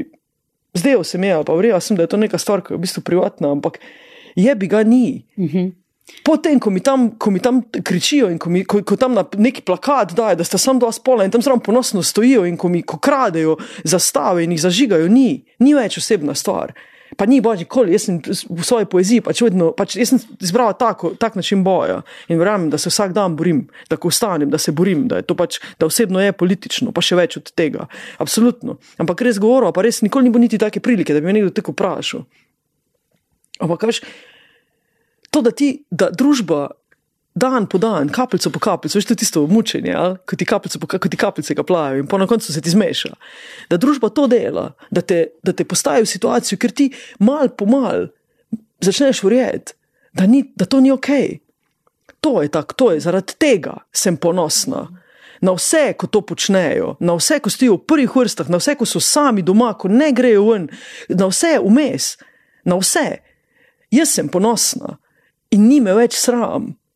Zaradi tega, ker nas tiščijo v sram, v to, da bi mi, da bi se mogli počutiti krive, da bi se mogli skrivati, da bi mogli to živeti skrivaj. Zakaj, kam imam jaz za skrivati, kaj sem pa komu naredil, zakaj bi pa mogel, bi se mogel, komu bi se pa jaz mogel opravičiti, kaj sem pa naredil narobe. To, kar delam, delam absolutno z ljubeznijo. Probam pomagati ljudem, probam biti tam za njih. Jaz, ko sem se, jaz sem vedel za sebe, veš, da če da ne bom tako preživel in da če moram, moram začeti javno delovati, ne, ker drugače ne vem, kako bo to. In ko sem, sem vedel, da moram to uporabiti, jaz ko sem dobil enko, jaz sem vedel, da, da moram govoriti o tem. Jenkovo nagrado. Da, mor, ja, da moram začeti govoriti o tem, da moram javno govoriti o tem, da moram sebe postaviti tja. In sem probal to narediti največ, kar sem lahko. In imaš tudi odnos do, dru do drugih. Ne? Ja, pač zdi Do se mi, da ne, ki morem se jaz za sebe, mislim, ni to zdaj moj fajt, to je naš fajt. Jaz tudi pri poeziji, veš, jaz sem hotel izdati pri najbolj, pač najbolj uh, največji založbi za to, da bi netr v svojih pesmih one stvari, ko, so, ne, stvari, ko niso straight, na tak način, da bi prišli do ljudi, ko ne pričakujejo, da bojo, tam. Mm. In da na točki, ko bojo prišli, da bojo tak, uh, wow. A res. Mm. To je bil pač moj način boja. Ne pravim, da je edini pravil, ni, ampak pač moj je bil tak, meni je bil ta najbolj blizu. Ej, hvala ti, da si povedala v bistvu to, kar si povedala zdaj. Rade vole. Tudi za vse te, na katere so kričali um, pedri, na katere so kričali pičke materne in tako naprej. Veš kaj, um, rada bi. Č, Rada bi samo rekel, da, ni, da niso sami, no? da vemo vsi in da, da jih podpiramo, absolutno, in da, da stojimo za njimi vsi. In da, da nam meni osebno, ne morem govoriti za vse, ampak meni osebno je ful žal, da je do tega prišlo. Žal mi je, da je še vedno to taka družba, kjer je ne vem. To, da je nekdo spremeni spol, še vedno problem, in ker ne vem, recimo, se, se ne vem, ljudje še vedno spravljajo na učiteljico, ki, ki želi sam izvajati prakso, mm. zato ker je spremenila spol. Mm. To, to, to so stvari, ko. To je bil konkreten primer, v bistvu, pred, ja, ja, v Štajerskem. Ja, pač to, to so stvari, ko, ko sem, dokler mislila sem, da smo že dlje od tega. No, pa sem ponosna na nas, misleč, da smo že dlje od tega, ne bi mogla biti, očitno ne bi se mogla bolj motiti. Ampak res, mi, če lahko, če smem pač jaz izreči solidarnost vsem tem ljudem, bi sem rada rekla, da, da absolutno, da pač. Super. Um, lani, ko ste bili tukaj, torej pred dobrim letom, uh -huh. s samom Brdudskim, uh, je bilo ravno čas po volitvah državno-zborskih. Uh, o, se... zlati čas. Vlada se je konstituirala. Takrat smo se tukaj pogovarjali, mi tri, o tem, um, kakšna je diagnoza stanja torej po teh volitvah. Po uh, teh volitvah, kam, kje smo kot družba in država, kam bi bilo treba iti, kaj popraviti, uh, zakaj se mora oblast samo omejiti, glede človekovih pravic Aha. in demokracije smo govorili. Um, Pa o bogatstvu splošnih knjižnic v Sloveniji. Tudi, tudi. to sta se oba strinjala. Ja. Ja, no, in rekla si lani, ne, da, uh, previdno, da, da previdno, ne, ker takrat so se omenjalo plesanje, da ljudje plešajo, golobova stranka je to govorila. Ja, kako je zdaj to? Uh, Kako je zdaj to kontekstualno? Kontekst je vse. Sej, se zdaj je prav mogoče, da smo se dobili, pa ne, da se bo tudi z Bardutskim še dobila, uh, da mal uh, preverimo, kje torej smo. Torej, Kje smo torej, Anja, golobe zdaj kot družba? Anja za golob, prosim. Anja za golob, prosim. Kje smo torej kot družba, katere težave ti zaznavaš, eh, na kaj bi ti opozorila torej leto dni uh, kasneje, oziroma več kot leto dni kasneje?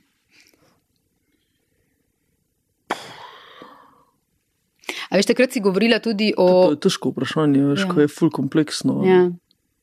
Um, Ja, oprosti, takrat sem govorila. Takrat sta oba poudarjala, uh, samom in uh, ti in samo, um, to odgovornost, da to, da nekdo zmaga na volitvah, ni dovolj, da to je minimalno in da v bistvu od tukaj dalje je treba uh, graditi. Ja, ja, se spomnim, in da se da smo... ne sme nobena ja. oblast zadovoljiti s tem, da zdaj smo pa zmagali, delali bomo isto kot prejšnji in da je to sam, sam ta akt zmage tisto, kar naj bi bil cilj. Takrat smo se tudi, oprosti, takrat smo se tudi pogovarjali o teh osmih letih. Ali? Ja, tudi. Ja. Ko, In govor... se mi zdi kar simptomatsko. In govorila sta oba o tem, da v bistvu mora bodoča vlada prevzeti odgovornost, uh mhm. -huh. ne, da stvari spremeni, ne samo da to, da je zamenjala oblast, ampak da stvari spremeni na boljše. In govorila sta o samo omejevanju, da mora vsaka vlada, ki dobi. Uh, Pooblastila pa pol mandata. Tako, ja. da more, da more uh, paziti na to, da, je, da se samo omeji pri medijih in tudi sicer.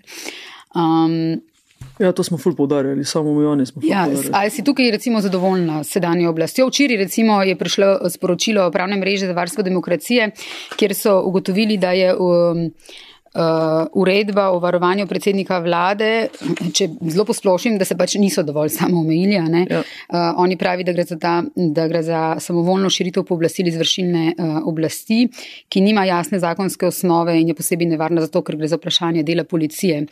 Uh, in tukaj pravijo, da menijo, da bi morala izvršilna oblast v razmerju do policije posebej paziti, da ne širi svojih pristojnosti in tako naprej.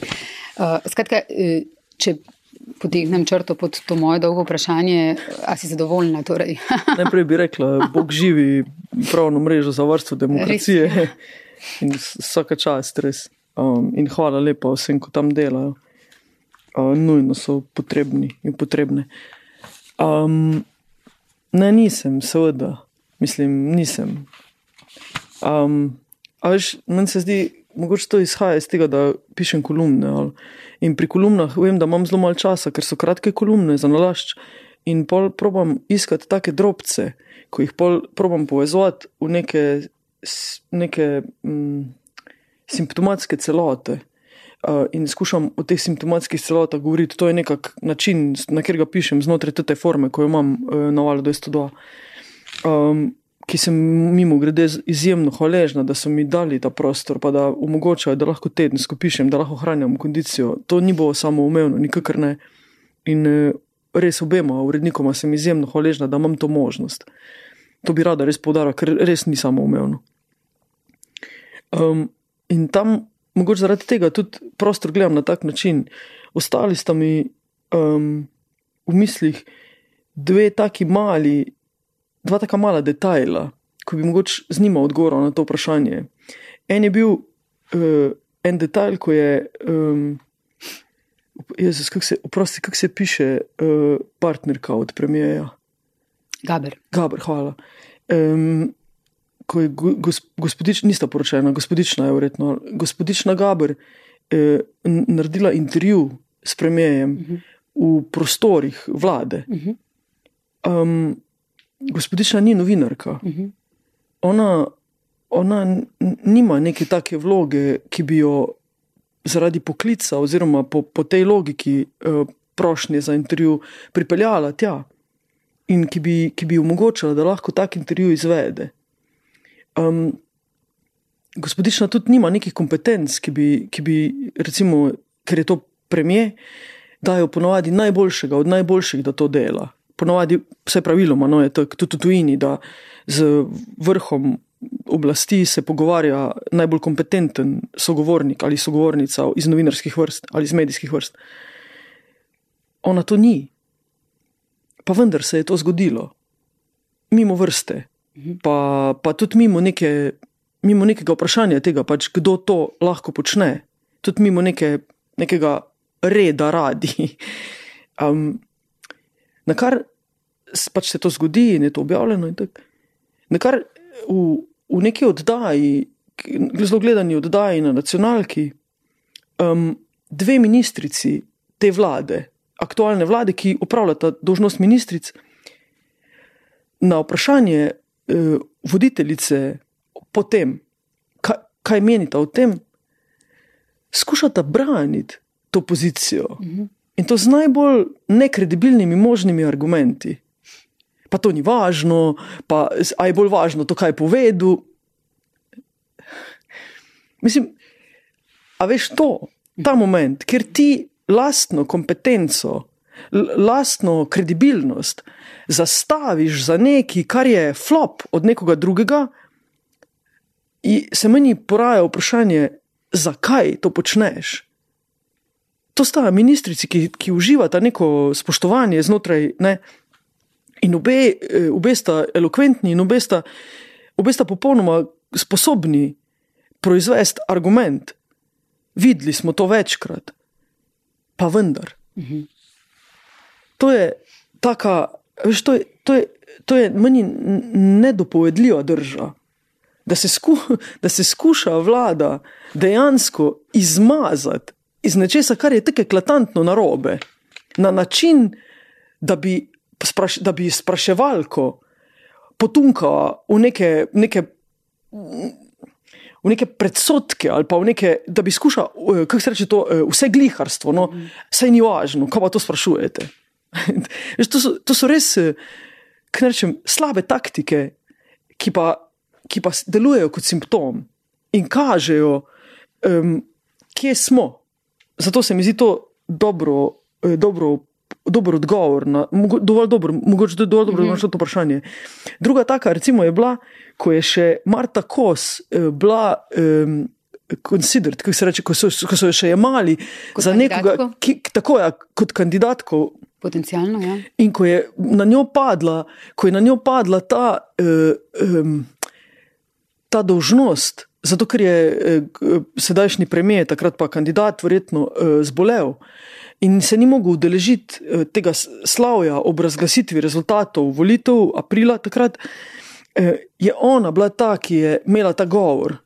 Aha, govoriš o govoru v Takrat, a veš- štabu Gibanja Svobode Tako- ob zmagi na državno-zborskih volitvah, ki je. Marta Kos prevzela v bistvu. Ker je pač ona ta govor, tako je, ona je imela ta govor, zato ker pač njega ni bilo, ker je bil bo- bolan, pa je bil v karanteni.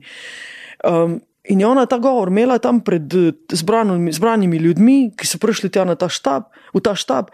In ona je recitirala eno, en odlomek ene pesmi v tem svojem govoru. Očitno je, da je pripravljena, je bilo očitno, da, da je pripravljena, da, da pač, ker je en govor, celo, mislim, da ne vem, če ne celo Kosovelove pesmi, mislim, da je recitirala. In doma, tako rekoč, zdaj ne ne drži me za besedo, ampak tako rekoč sredi te recitacije se je pod odrom pojavil ljubljanski župan, da pa, naj pride k njemu, da on bo pa zdaj nje čestitu, zdaj v tem momentu. Medtem ko ona ima govor, se pravi, na odru imamo žensko, ki, je, ki kotira zelo visoko v, v hierarhiji te stranke, ki je zdaj zmagala, oziroma takrat je. ne. Prevzema, prevzame celo mesto nekoga, ki bo govoril, na, ki bo imel ta govor ob razglasitvi, ki je ful pomemben. a ne.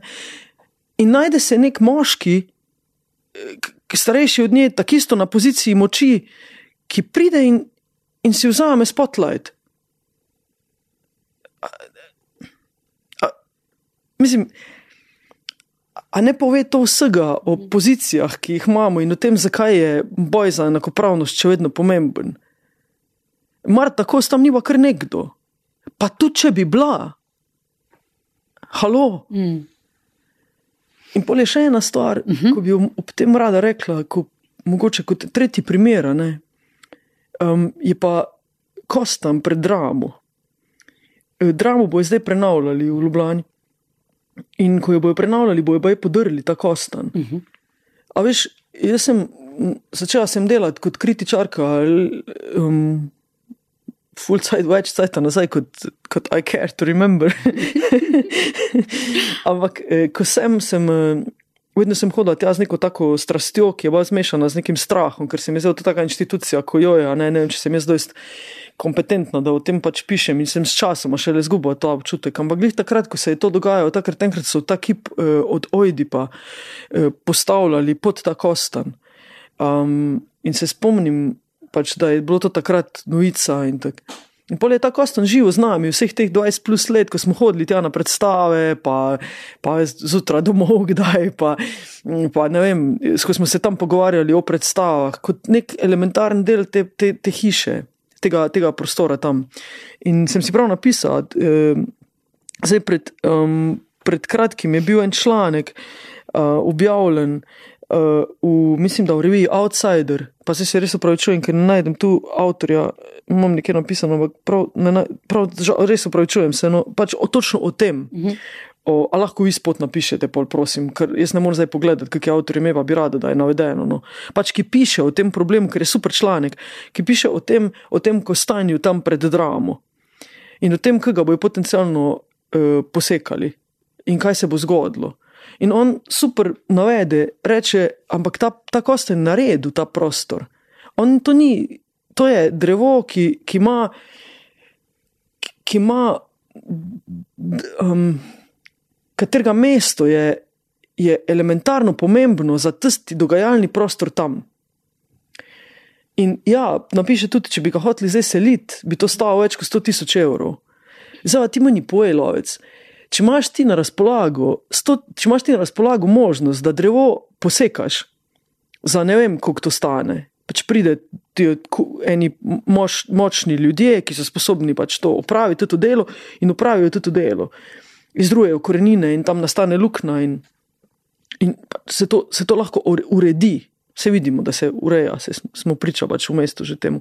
Ampak, če imaš možnost to, ali pa dati 100 jurjev za to, da se to drevo nekam preseli in naprej raste, kaj narediš?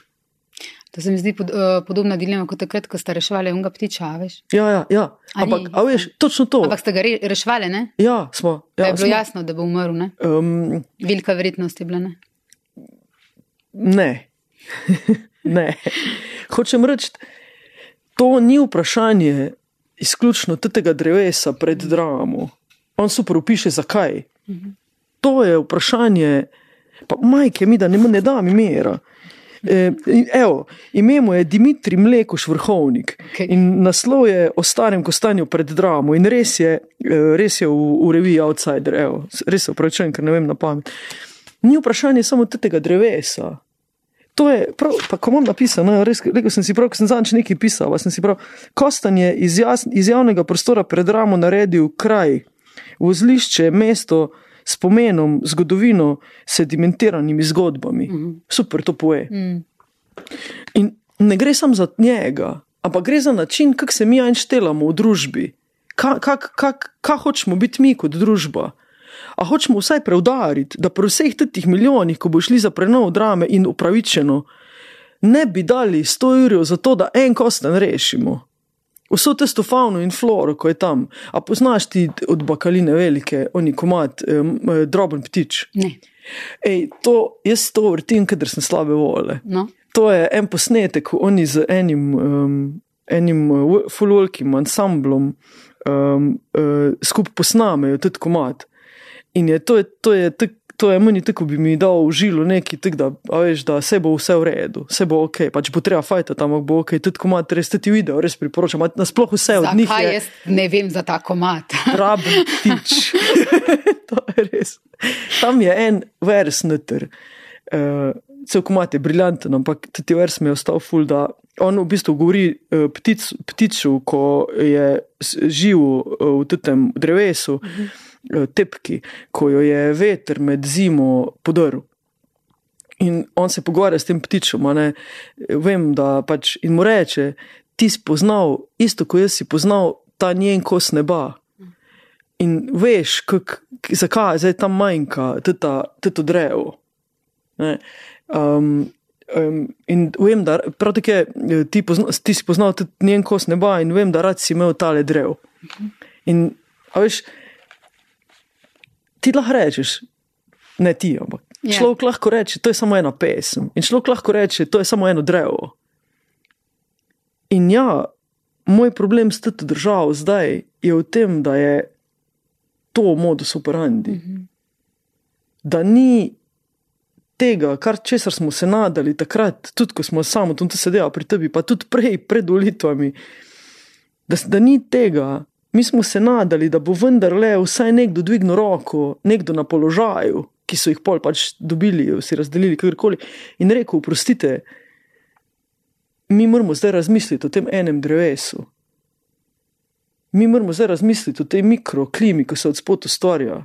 Mi moramo zdaj razmisliti o milijonih teh zgodb, teh ljudi, ki so tam čakali na avtobus, ko so se zaljubljali tam od spodaj, ko so se poljubljali tam od spodaj, ko so se raz, razhajali tam od spodaj, ko so bruhali te agre, ko so prišli žura ob dveh zjutraj. Vseh, ko so tole si pripovedovali zgodbe o premjerah, ko so čakali na karte. Mi moramo razmisliti o tej zgodovini, ko jo nosi to drevo. In moramo probati, zato ker smo ljudje, ohraniti to zgodovino tega drevesa. Najdemo teh sto jurjev, da prestavimo to drevo nekam, kjer bo lahko naprej raslo, tako je do zdaj raslo. Zato je za nas to važno, za drevo tudi, ampak tudi za nas, uh -huh. za to, kar smo mi, ko smo ljudje, ko smo najbolj ljudje, iz istega razloga, ko beremo poezijo. Zato ker je v nas neki neki humanizma vendarle ostalo. A veš, zadnjič je imela predsednica države na predvečer državnega praznika govor in ti govor je bil na nekaterih mestih precej ushičen. Ampak jaz nisem mogla, ko sem gledala tisto prvo vrsto tam, da si ne bi mislila, ja, on pa denar štejejo.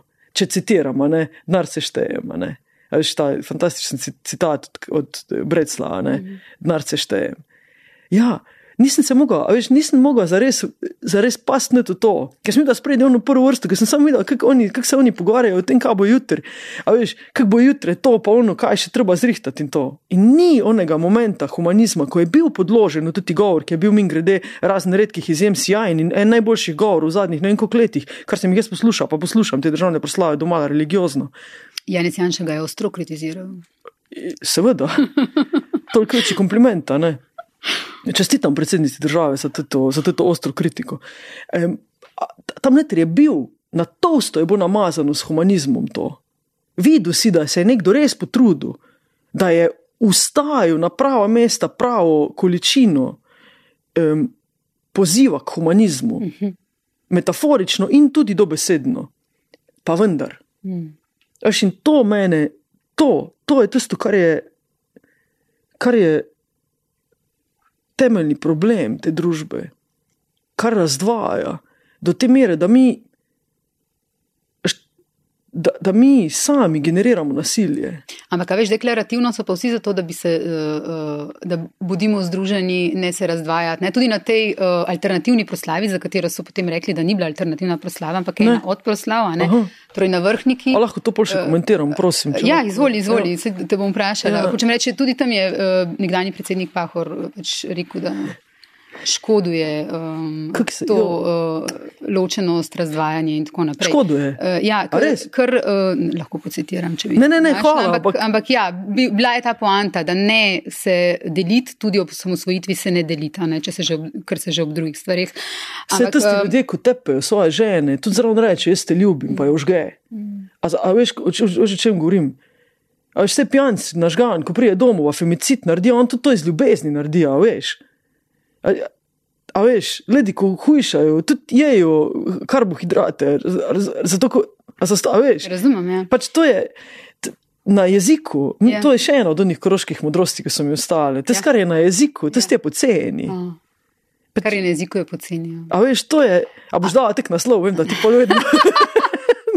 vidim ta mental, ker vidim te vrtete ti mental not. Mogoče bi pa to. Ne rečeš, ko lahko ima napačno. Lahko je napačno, odvisno je od konteksta. Ko smo že pri teh dveh proslavah. Ne? Uh, obletnica uh, osamosvojitvene vojne, torej dan državnosti, uh, veliko govora uh, o domoljubju. Kaj je domoljubje, Anja, Golob, Anja za golo? A ti lahko dam super primer. Veš, mi smo zdaj v situaciji, kjer en del naših državljanov, uh, naših sodržavljank in sodržavljanov, to. Um, ti vrsti smo tudi napisali. Veš, lej, ma, veš, si, si, si pišem stvari rajši, kot ko da je polkaj, ampak res ti vrsti mi je super, čak sem da najdem ga, se upravičujem. Aha, um, obstaja vers, uh, so zapravi srcu, da sem tukaj doma. To, imaš ljudi, ki ti vers, uh -huh. uvejo, odkje je, iz ene pop pesmice ko je dosti popularna, bila, vse ne ima zdaj še, ampak jaz se spomnim iz mladosti, da, ali pa iz ne vem, adolescence, da se spomnite pesmi. No. Um, um, Ti vrsti je vrsti neke popevke, neke pop pesmi. No. Maš pa en, eno skupino državljan, sodržavljank in sodržavljanov z vsem spoštovanjem, ki, to, ki ga jemlje resno, ki ga jemlje za res, ki ga jemlje kot izkaz nekega domoljubnega čustva. Zdaj imaš na eni proslavi Towers, na drugi proslavi imaš pa, in to se mi zdi fantastično. Realnost govori sama, veš, ko včasih tudi reče, boš kot vsak roman, ali ne, kako včasih skupaj stvari pridejo. Na drugi strani imaš pa enega slovenca bosanskih korenin, ki. Eh, vso, ki je zgradil kariero, med drugim tudi na tem, da da govori z, z, z naglasom. In je to fantastično, očarljivo je. Um, no, ki, ki na drugi proslavi s kitaro poje moja država, to je njena lepota, moja država, mi smo njeni ljudje. A veš, tip, ki ki ima komad Bosanžero, Nero, ki ne vem, poje komade v bosanščini, ki je ponosen na to in hvala Bogu, edino pravilno. Um, Na svojo, na svojo heritage, no, kako se reče, zgodovino, dediščino. dediščino. Ja, hvala Bogu. E, na koncu, kot zadnji akord državne proslave, poje, mi smo njeni ljudje. Mhm. In ja, ste, smo, ja, vsi, Pedri, Bosanci, uh, ne vem, vsi, kogar hočeš. In ja, še to bi, mogoče bi dal disclaimer. Jaz sem lezbika, zato lahko ta izraz uporabljam. A ja, to je treba biti disclaimer, da? Ja, za ja, Pedri mislim, okay. ker načeloma je to slrvo, kletvica je. In ne, ni za uporabo. Jaz ga uporabljam zato, ker Mislim, pripadam sem, tudi subkulturi. Pač, sem razumela, zakaj se to dogaja. Ampak ne vem, če ja. ti, ja. mogoče, okay. ne, mogoče kdo ne zastopi, pa misli, da yeah. ga ja. zdaj je stole. Pač. Yeah. Mi smo ga onali, tako yeah. so črnci onali svoj izraz, tak, s katerimi so ga ne, Zato, zato, da bi, zato, ker pač na tak način ga, ga anuliraš. Mm -hmm. Sam min grede. In zdaj imaš to, to napetost. Mislim, to ti vse pove.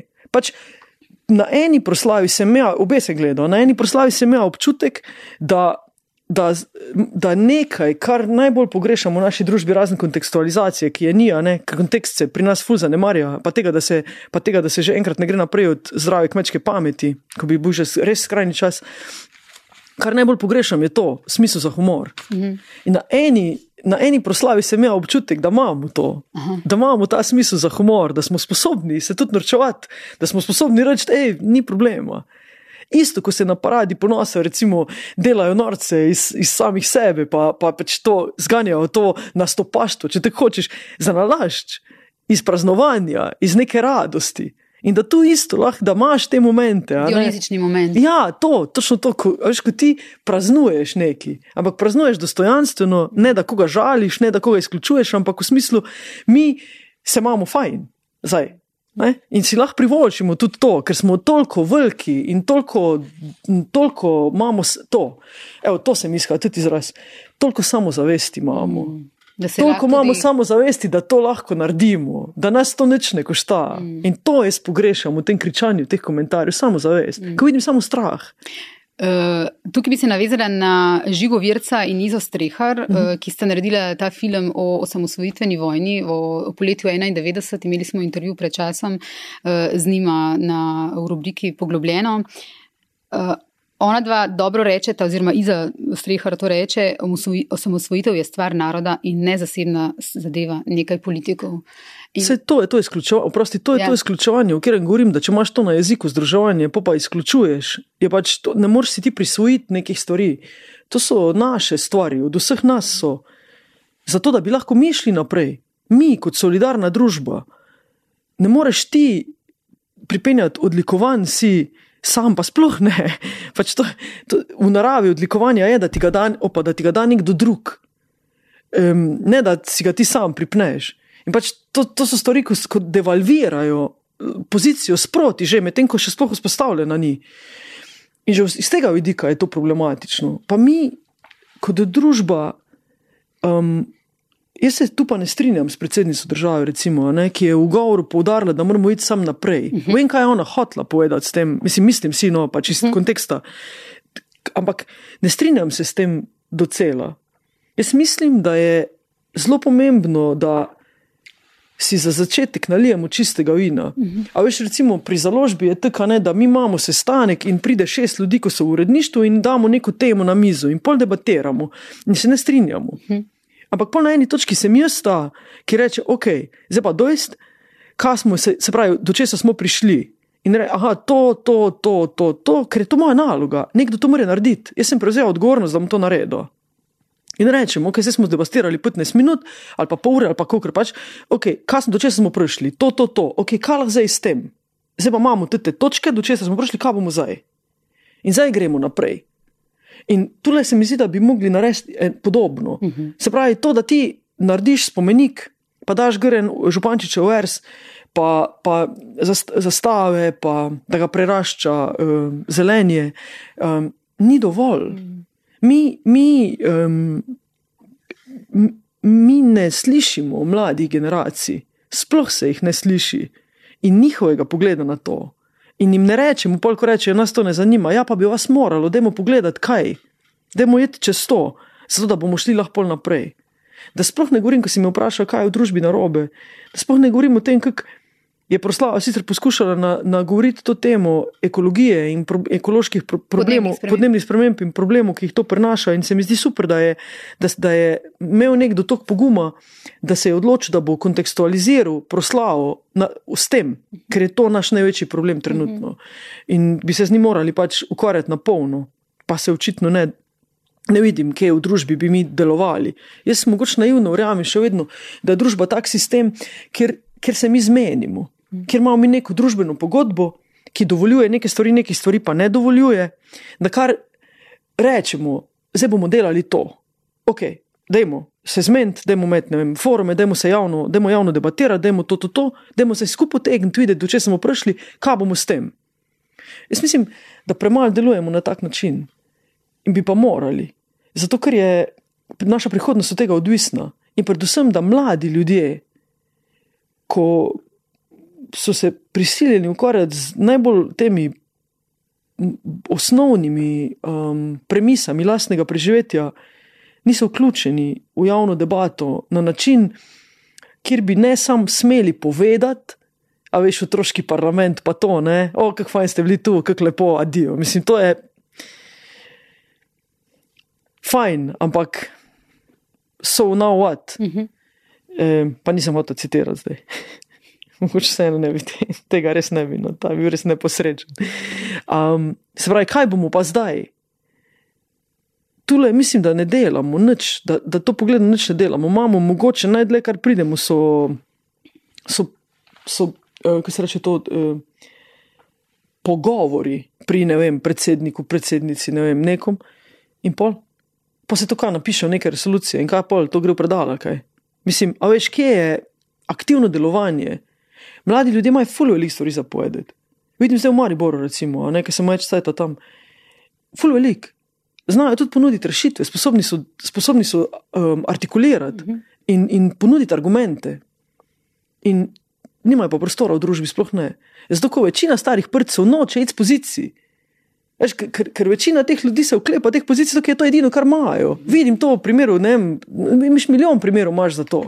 Ampak, a veš, ne dat, nikakor ne. Veš, to je ta pomanjkanje samozavesti, to je to pomanjkanje samozavesti, ko ti še vedno, še vedno, še vedno skušaš most iz tistega, ne, ko si bil nekoč velik, ne, zato, da bi, da bi si, ust... a veš, a ni dovolj. Veš, znati je treba iti tudi iti. Veš, prid narediti, pa pojdi, znati je treba iti, pa dati plac.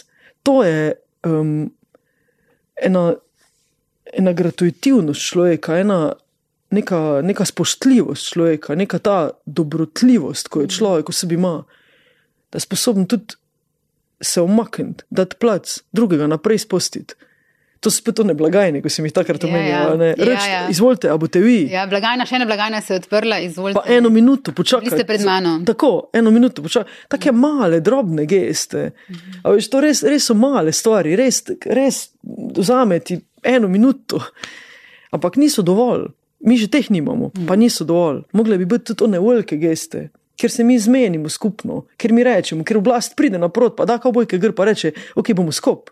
Dajmo skup spucati. A Veš, kaj pa pred leti je bila ona akcija Očistimo Slovenijo, ki je dosegla megalomanske rezultate. Vsi so to delali. Ker najbrž so vsi vzeli vrečke, v rokavice, pa so šli z otrokom, vse. A veš, to rabimo, da oblast, metaforično govorim, da kavbojke gr, pa srajceva, v ne pa reče, Gremo. Zdaj pa dajmo. Zdaj pa, kje imamo problem? Ok, tole imamo uh, strokovnjake in strokovnjakinje za podnebne, podnebne spremembe, uh, vse, ki se, ko se ukvarjajo s tem področjem. Tole imamo zdaj strokovnjake za kmetijstvo. Kako bomo samo oskrbni, do kere mere, kaj lahko naredimo, kako bi to. Tule imamo strokovnjake za promet, železniški promet, da ne bo več slogan. moja žena se heca, da je bil slogan slovenskih železnic lahko pri, za vas pri vsaki hruški. Ne. Pač, da ne bo več to slogan, ne, da ne bo več slogan, ono, počasi ali se daleč pride, ali pa tudi ne. Pač, a veš, tudi ta država, to je nekaj najboljšega, kar se nam je zgodilo. Sam nisem ful redko vidim v gospodinstvih ali pa v nekih manjših skupnostih, da bi kdo tek zafračko neko stvar, ko je tek, ali pa fračko tek neko stvar, ko je tek dragocena. Mm. Ful redko to vidim. Se mi zdi hecno na taki veliki skali, tisti najbolj veliki. Ja, pa to tako bi bilo samo po sebi umevno že. Kaj pa kultura? Se ji godi kaj boljše? Ti imaš tukaj en primer iz Maribora. Ti Aha. živiš v Mariboru, ne? V- v- Živim na obeh, in ja. v Ljubljani, in v Mariboru. Ja. Um, generalno gledano bi rekel, da ni več tistih nujnih sej odbora za kulturo v državnem zboru, kamor sem pa tudi vabljen na ene parkrat, pa sem lahko na, se prepričal, kako tesnobno vzdušje tam vlada, pod, pod pre, ko je bil gost tudi prejšnji minister. Mhm. Kako je bilo ne mogoče debatirati, kako je bilo to nek nivo debate, ko ga jaz nis- nisem razumela in mislim, da nisem bila edina do teh pol, ne, raznih takih izbruhov, no, ko so smo jih videli v, pre, v prenosih, pol sej v državnem zboru. Um, tega se ni več in to je dobro. Mhm. Um, Sludim, ampak. Ne vem, nisem zadovoljna z delom nacionalnega sveta za kulturo. Um, zdi se mi, da se Slovenska akademija znanosti in umetnosti premalo oglaša v javnosti za stvari, ko bi se morala, zato ker je to nek, nekdo, ki ima full velik, um, full veliko simbolno fu moč, uh, neko spoštovanje v javnosti upravičeno in bi, bi moralo biti. Bi moralo biti bolj prisotno, po mojem mnenju, nekim, v nekem javnem diskurzu, tudi svoje mnenje, kakršno koli že to mnenje je. Ampak zato, da imamo, da smo zastopani, da se lahko različne inštitucije, funkcije pogovarjajo. Um, Reka bi, lahko se diše, kar je dobro. Čakam pa, da veš, da tudi v ministrstvu zares zagrabi stvari, da se začnejo stvari dogajati. Jaz vem, da traja neki cajt, preden da ti Ja, ampak popucaš. že Ampak zdaj, zdaj že leto- mi, lih to hočem narediti, zdaj, tisti cajt že min, zdaj čakam, kje smo zdaj, kje so zdaj, a veš, kje, se, kje so te spremembe.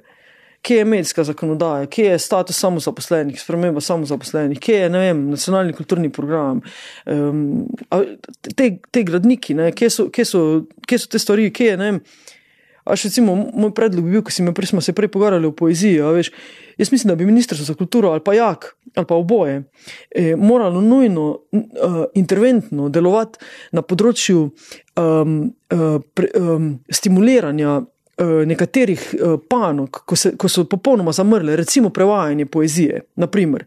Mi nimamo več tega, zato ker se kao ne splača. In mislim, da so državna sredstva tudi zato, da, se to, da, se, da se to pospeši, da, da se vloži v to. Pa recimo kritike nam drastično primankuje. Ljudje so podplačeni, ko jo pišejo. To bi moglo biti v javnem Praktično izginjajo, Tako. Tako, pa to, veš, to je že, ko sem jaz jo pisal, je bilo to nekaj, kar je bilo domena mladih ljudi. Mm -hmm. Ni, a veš, ti rabiš tudi kilometrino za to, mora biti omogočeno znotraj tistega določenega področja, recimo znotraj medija, ali bi moglo biti dovolj denarja na razpolago, zato da bi to lahko, da bi to obstajalo trajnostno. Ne da je to tako, da ti prideš net pa pohaš za dve, tri leta, pa, pa ugotoviš, da ne moreš preživeti, pa moraš še tu in moraš nekaj druga dela, tudi če nočeš. -hmm. Um, to, to, to so res take stvari, ki so ključne. Kritika, recimo, vseh umetnostnih področji je ključna zaradi tega, ker, moramo, ker rabimo refleksijo, da bi lahko napredovali. Umetnost potrebuje refleksijo. Isto, kot potrebuje publiko, tako potrebuje tudi refleksijo, strokovno in laično, seveda, ampak zdaj govorimo strokovni. In to bi bilo, to, zato bi morala obstajati interventna sredstva. Ker so pač mediji v privatnih lasništvih in pač privatno lasništvo izključno gledajo samo na kapitalski donos, kritika nima kot taka v sebe, ni upi, v njo ni upisan kapitalski donos. In pa vseeno mora obstajati. Kot še toliko drugih umetnostnih praks in, in, uh, in uh, izkazov, ne umetnosti, kot tako isto morajo obstajati, kljub temu, da se narodu pa ne dopade. Ja, kot ta logika, prvi proslavi bo to, ali nam je pa, oni, ko mi je, ko mi, nam je pa všeč. Zakone imamo zato, da jih preprečimo to, da bi to, kar je tebi všeč, bilo nekaj, kar nas Mora vse, kar, kar mora biti všeč vsem. Zato obstaja zakon. Veš, sem navezal, ne. eh, Problem himne, ne na te alternative, ne vem, zdaj, kako to imenujejo, pač te proslavi vrh, na vrhniki, no, kakorkoli se imenuje. ja. Tako. Tam eh, obstaja realen problem s himno, ko ga je treba, ko mislim, da je treba o njem govoriti. Obstaja v Sloveniji zakon o grbu, zastavi in himni, a ne, ne vem, če v tem eh, vrstnem redu, ampak ZG, ja, mislim, da. Um, ker je opredeljeno, kaj je slovenska himna. Natančno je opredeljeno in je pol tudi zelo natančno opredeljeno, tako za zastavo, pa za grb, tudi za himno, kdaj in na kak način se lahko izvaja. Uh, slovenska himna je sedma kitica preširnove zdravljice, ne druga, pa sedma kitica preširnove zdravljice. Ta razlika je zelo pomembna. Mi, mi imamo zakon in ta zakon je v državi treba spoštovati. Ti ne moreš izvajati zdravljice kot druge, pa sedme kitice. Jaz že vem, zakaj ti to hočeš. Samo ne. Ta država je sekularna, demokratična republika, kjer vladajo standardi neke družbene pogodbe, laični. Ne moreš na tak način usiliti svojega prepričanja, ne moreš si na tak način lastiti nečesa, kar je zakonsko, določ, zakonsko pardon, določeno. Ne moreš, enostavno to ne gre. Ej, končajva, prosim te, uh, pri kantah v Mariboru. Kakšen simptom, simptom česa so te kante v Mariboru in kje so, kje stojijo? O katerih ti pišeš? Se res pri, kolumno pri, si. pripravi, Ja, ja, tak, ja. si tako imaš tak lep lok. Vsaka čas, Tudi se lahko kaj naučim. Ja, um, obstaja set potopnih kant, um, ki stoji uh, pred in malo tudi na uh, javni plastiki Viljama Netlšipa, ko, ko ima naslov Poletno veselje. V Mariboru. V Mariboru, ja. na Štrosmarjevi ulici, zraven umetnostne galerije Maribor, malo niže dol. Um, te kante, tudi set potopnih smetnjakov, tako podolgovat set, mislim, da je šest ali sedem smetnjakov, nisem zdaj ziger, je um, tja inštalirala mestna občina Maribor uh -huh. uh, pred več kot enim letom, zdaj že skoraj eno leto pa pol. In, uh, kot sem razumela, so že takrat, ko se je to dogajalo, se pravi, ob, eh, ob tem, ko, ko, ko, je, ko so betonirali, uh, uh, meščani in meščanke povedali, jasno, da pač je to poseg, ki je nedopusten. Pa je občina to vseeno izvedla do konca. Uh, na kar so seveda protestirali, pa so protestna pisma, pa organizacij in posameznikov in posameznic, um, da je pač to, tak poseg nedopusten, ker kazi um, umetnino, ki tam stoji, javno plastiko, ki tam stoji že od leta 86, če se ne motim. Um, ko sem jaz uh, poslala pač vprašanja prvič, uh, kdo, kdo je odgovoren za to, um, je, sem dobil odgovor, da župan prevzema odgovornost za to. In sem rekel, kako je v redu, pa, pa pač bomo na župana naslavljali vprašanja. In pol se eno leto ni zgodilo nič, jaz sem vprašal na občino, kdaj mislijo te kante odstraniti. Rekli so, da to ni upisano v tisti aktualni proračun lanskega leta, so da ne, sej nobeni predvideval, da jih bo treba odstraniti, logično, da to ni postavka. Jaz sem počakal do letos. In sem letos spet vprašal, zdaj ta postavka obstaja, v proračunu pa je in sicer kot eh, pod točko ravnanje z eh, odpadki. Um, Kaj je zdaj odstranitev vseta potopnih smetnjakov, ravnanje z, odpo- z odpadki, je drugo vprašanje. a ne? Stavka, postavka za to pa je nekih 47 tisoč evrov v proračunu. Um, ampak ne vejo, kdaj bo to. Ampak, Ne vejo, kako bo to. Ne, ne vejo, kam bojo dali, uh, uh, ne vejo pa, kdaj bo to. ampak je to v bistvu na manjši skali točno to, o čemer si prej govorila, ta, uh, ko si govorila, da imamo nekaj dragocenga in tako delamo s tem. Zato, je zato, dajem tudi, zato dajem tudi primer ne nehno. Zato sem tudi dvakrat že pisal, letos pač o, o tem, pa bom še pisal naprej. Um, zato, ker je to simptomatski primer. Mm. Te kante so simptomatski primer um, tega, what not to do Mm. in kako se pol obnašati. Jaz mislim, da bi župan mogel osebna sredstva dati za to, da to po- popravi. Zato, ker bi mu mogel biti toliko ležeče na tem, da se to, ta napaka odpravi, če bi resno mislil, da gre za napako.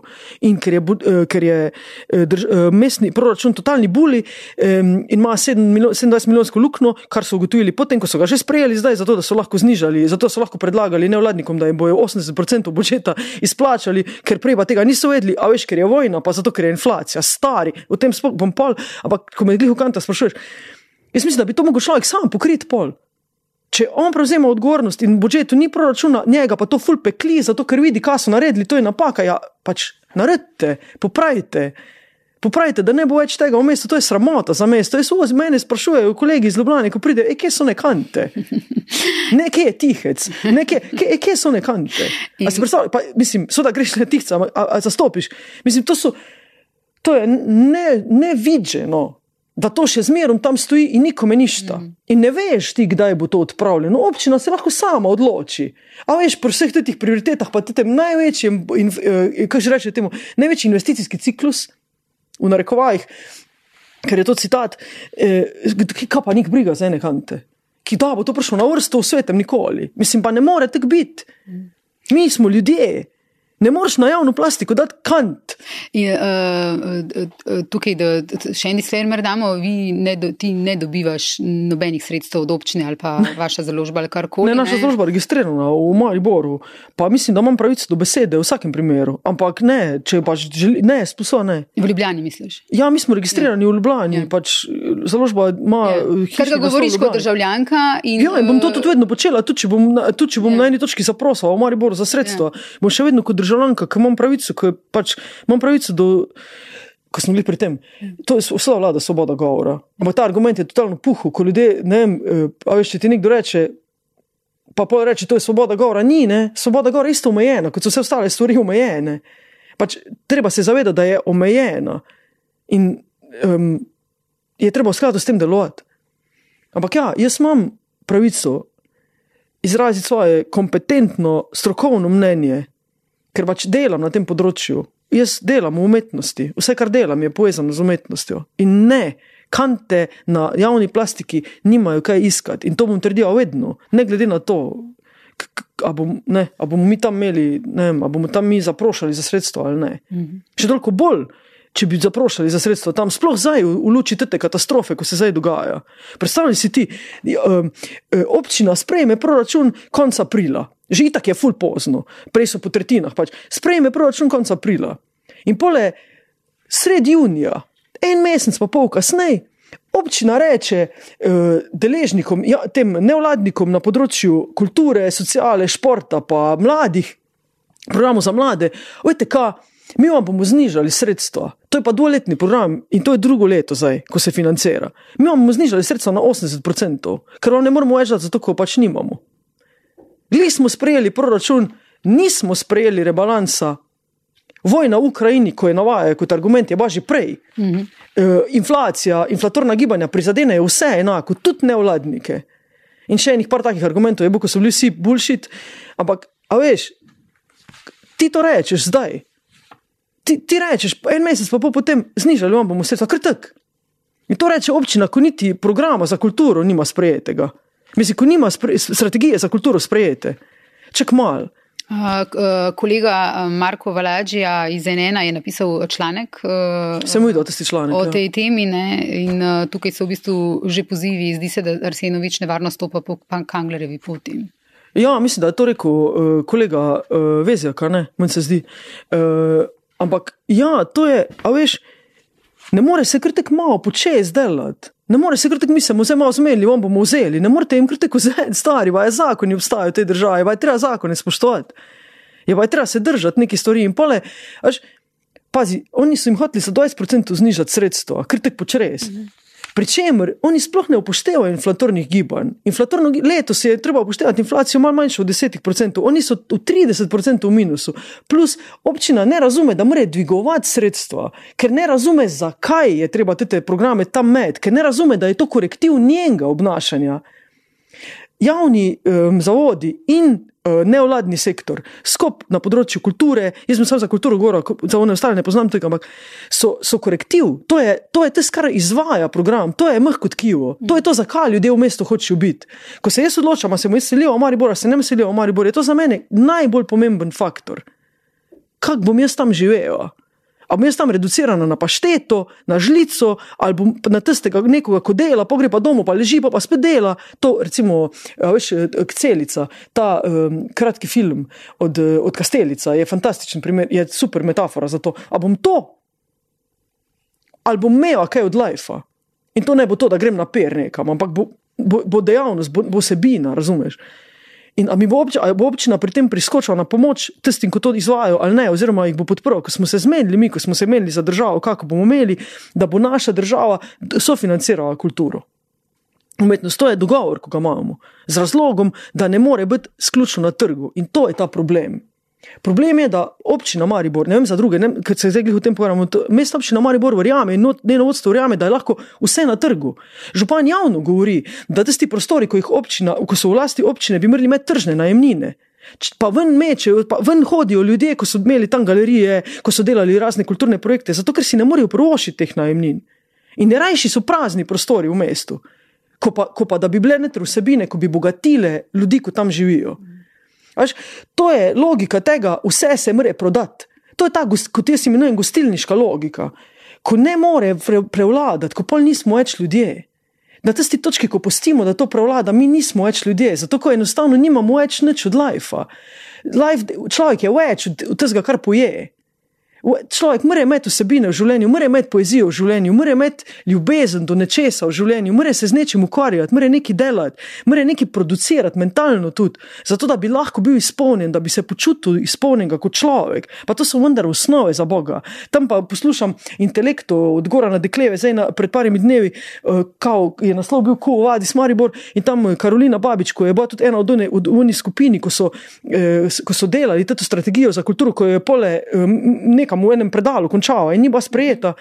Eh, Re, eh, upozori, mislim, da ona up, upam, da se prav spomnim, no, ali pa Urška no, iz pekarne. Em, na to, da, em, da, se, da se dogaja, da se v Mariboru. eh, Da oblast v Mariboru poz, eh, namenoma po, eh, povzroča neke, neke, neke razmere, ko so nenavadne, ko so, ko so nujne, zato da pole lahko, da lahko obide demokratične principe delovanja, ker ko imaš ti mir, pa lahko deluješ, mrš uh, dobivati ne vem, večine, mrš glasovati, mrš dajati stvari na glasovanje, potečejo neki postopki, ko trajajo, ne moreš lastne volje uveljavljati več kot toliko.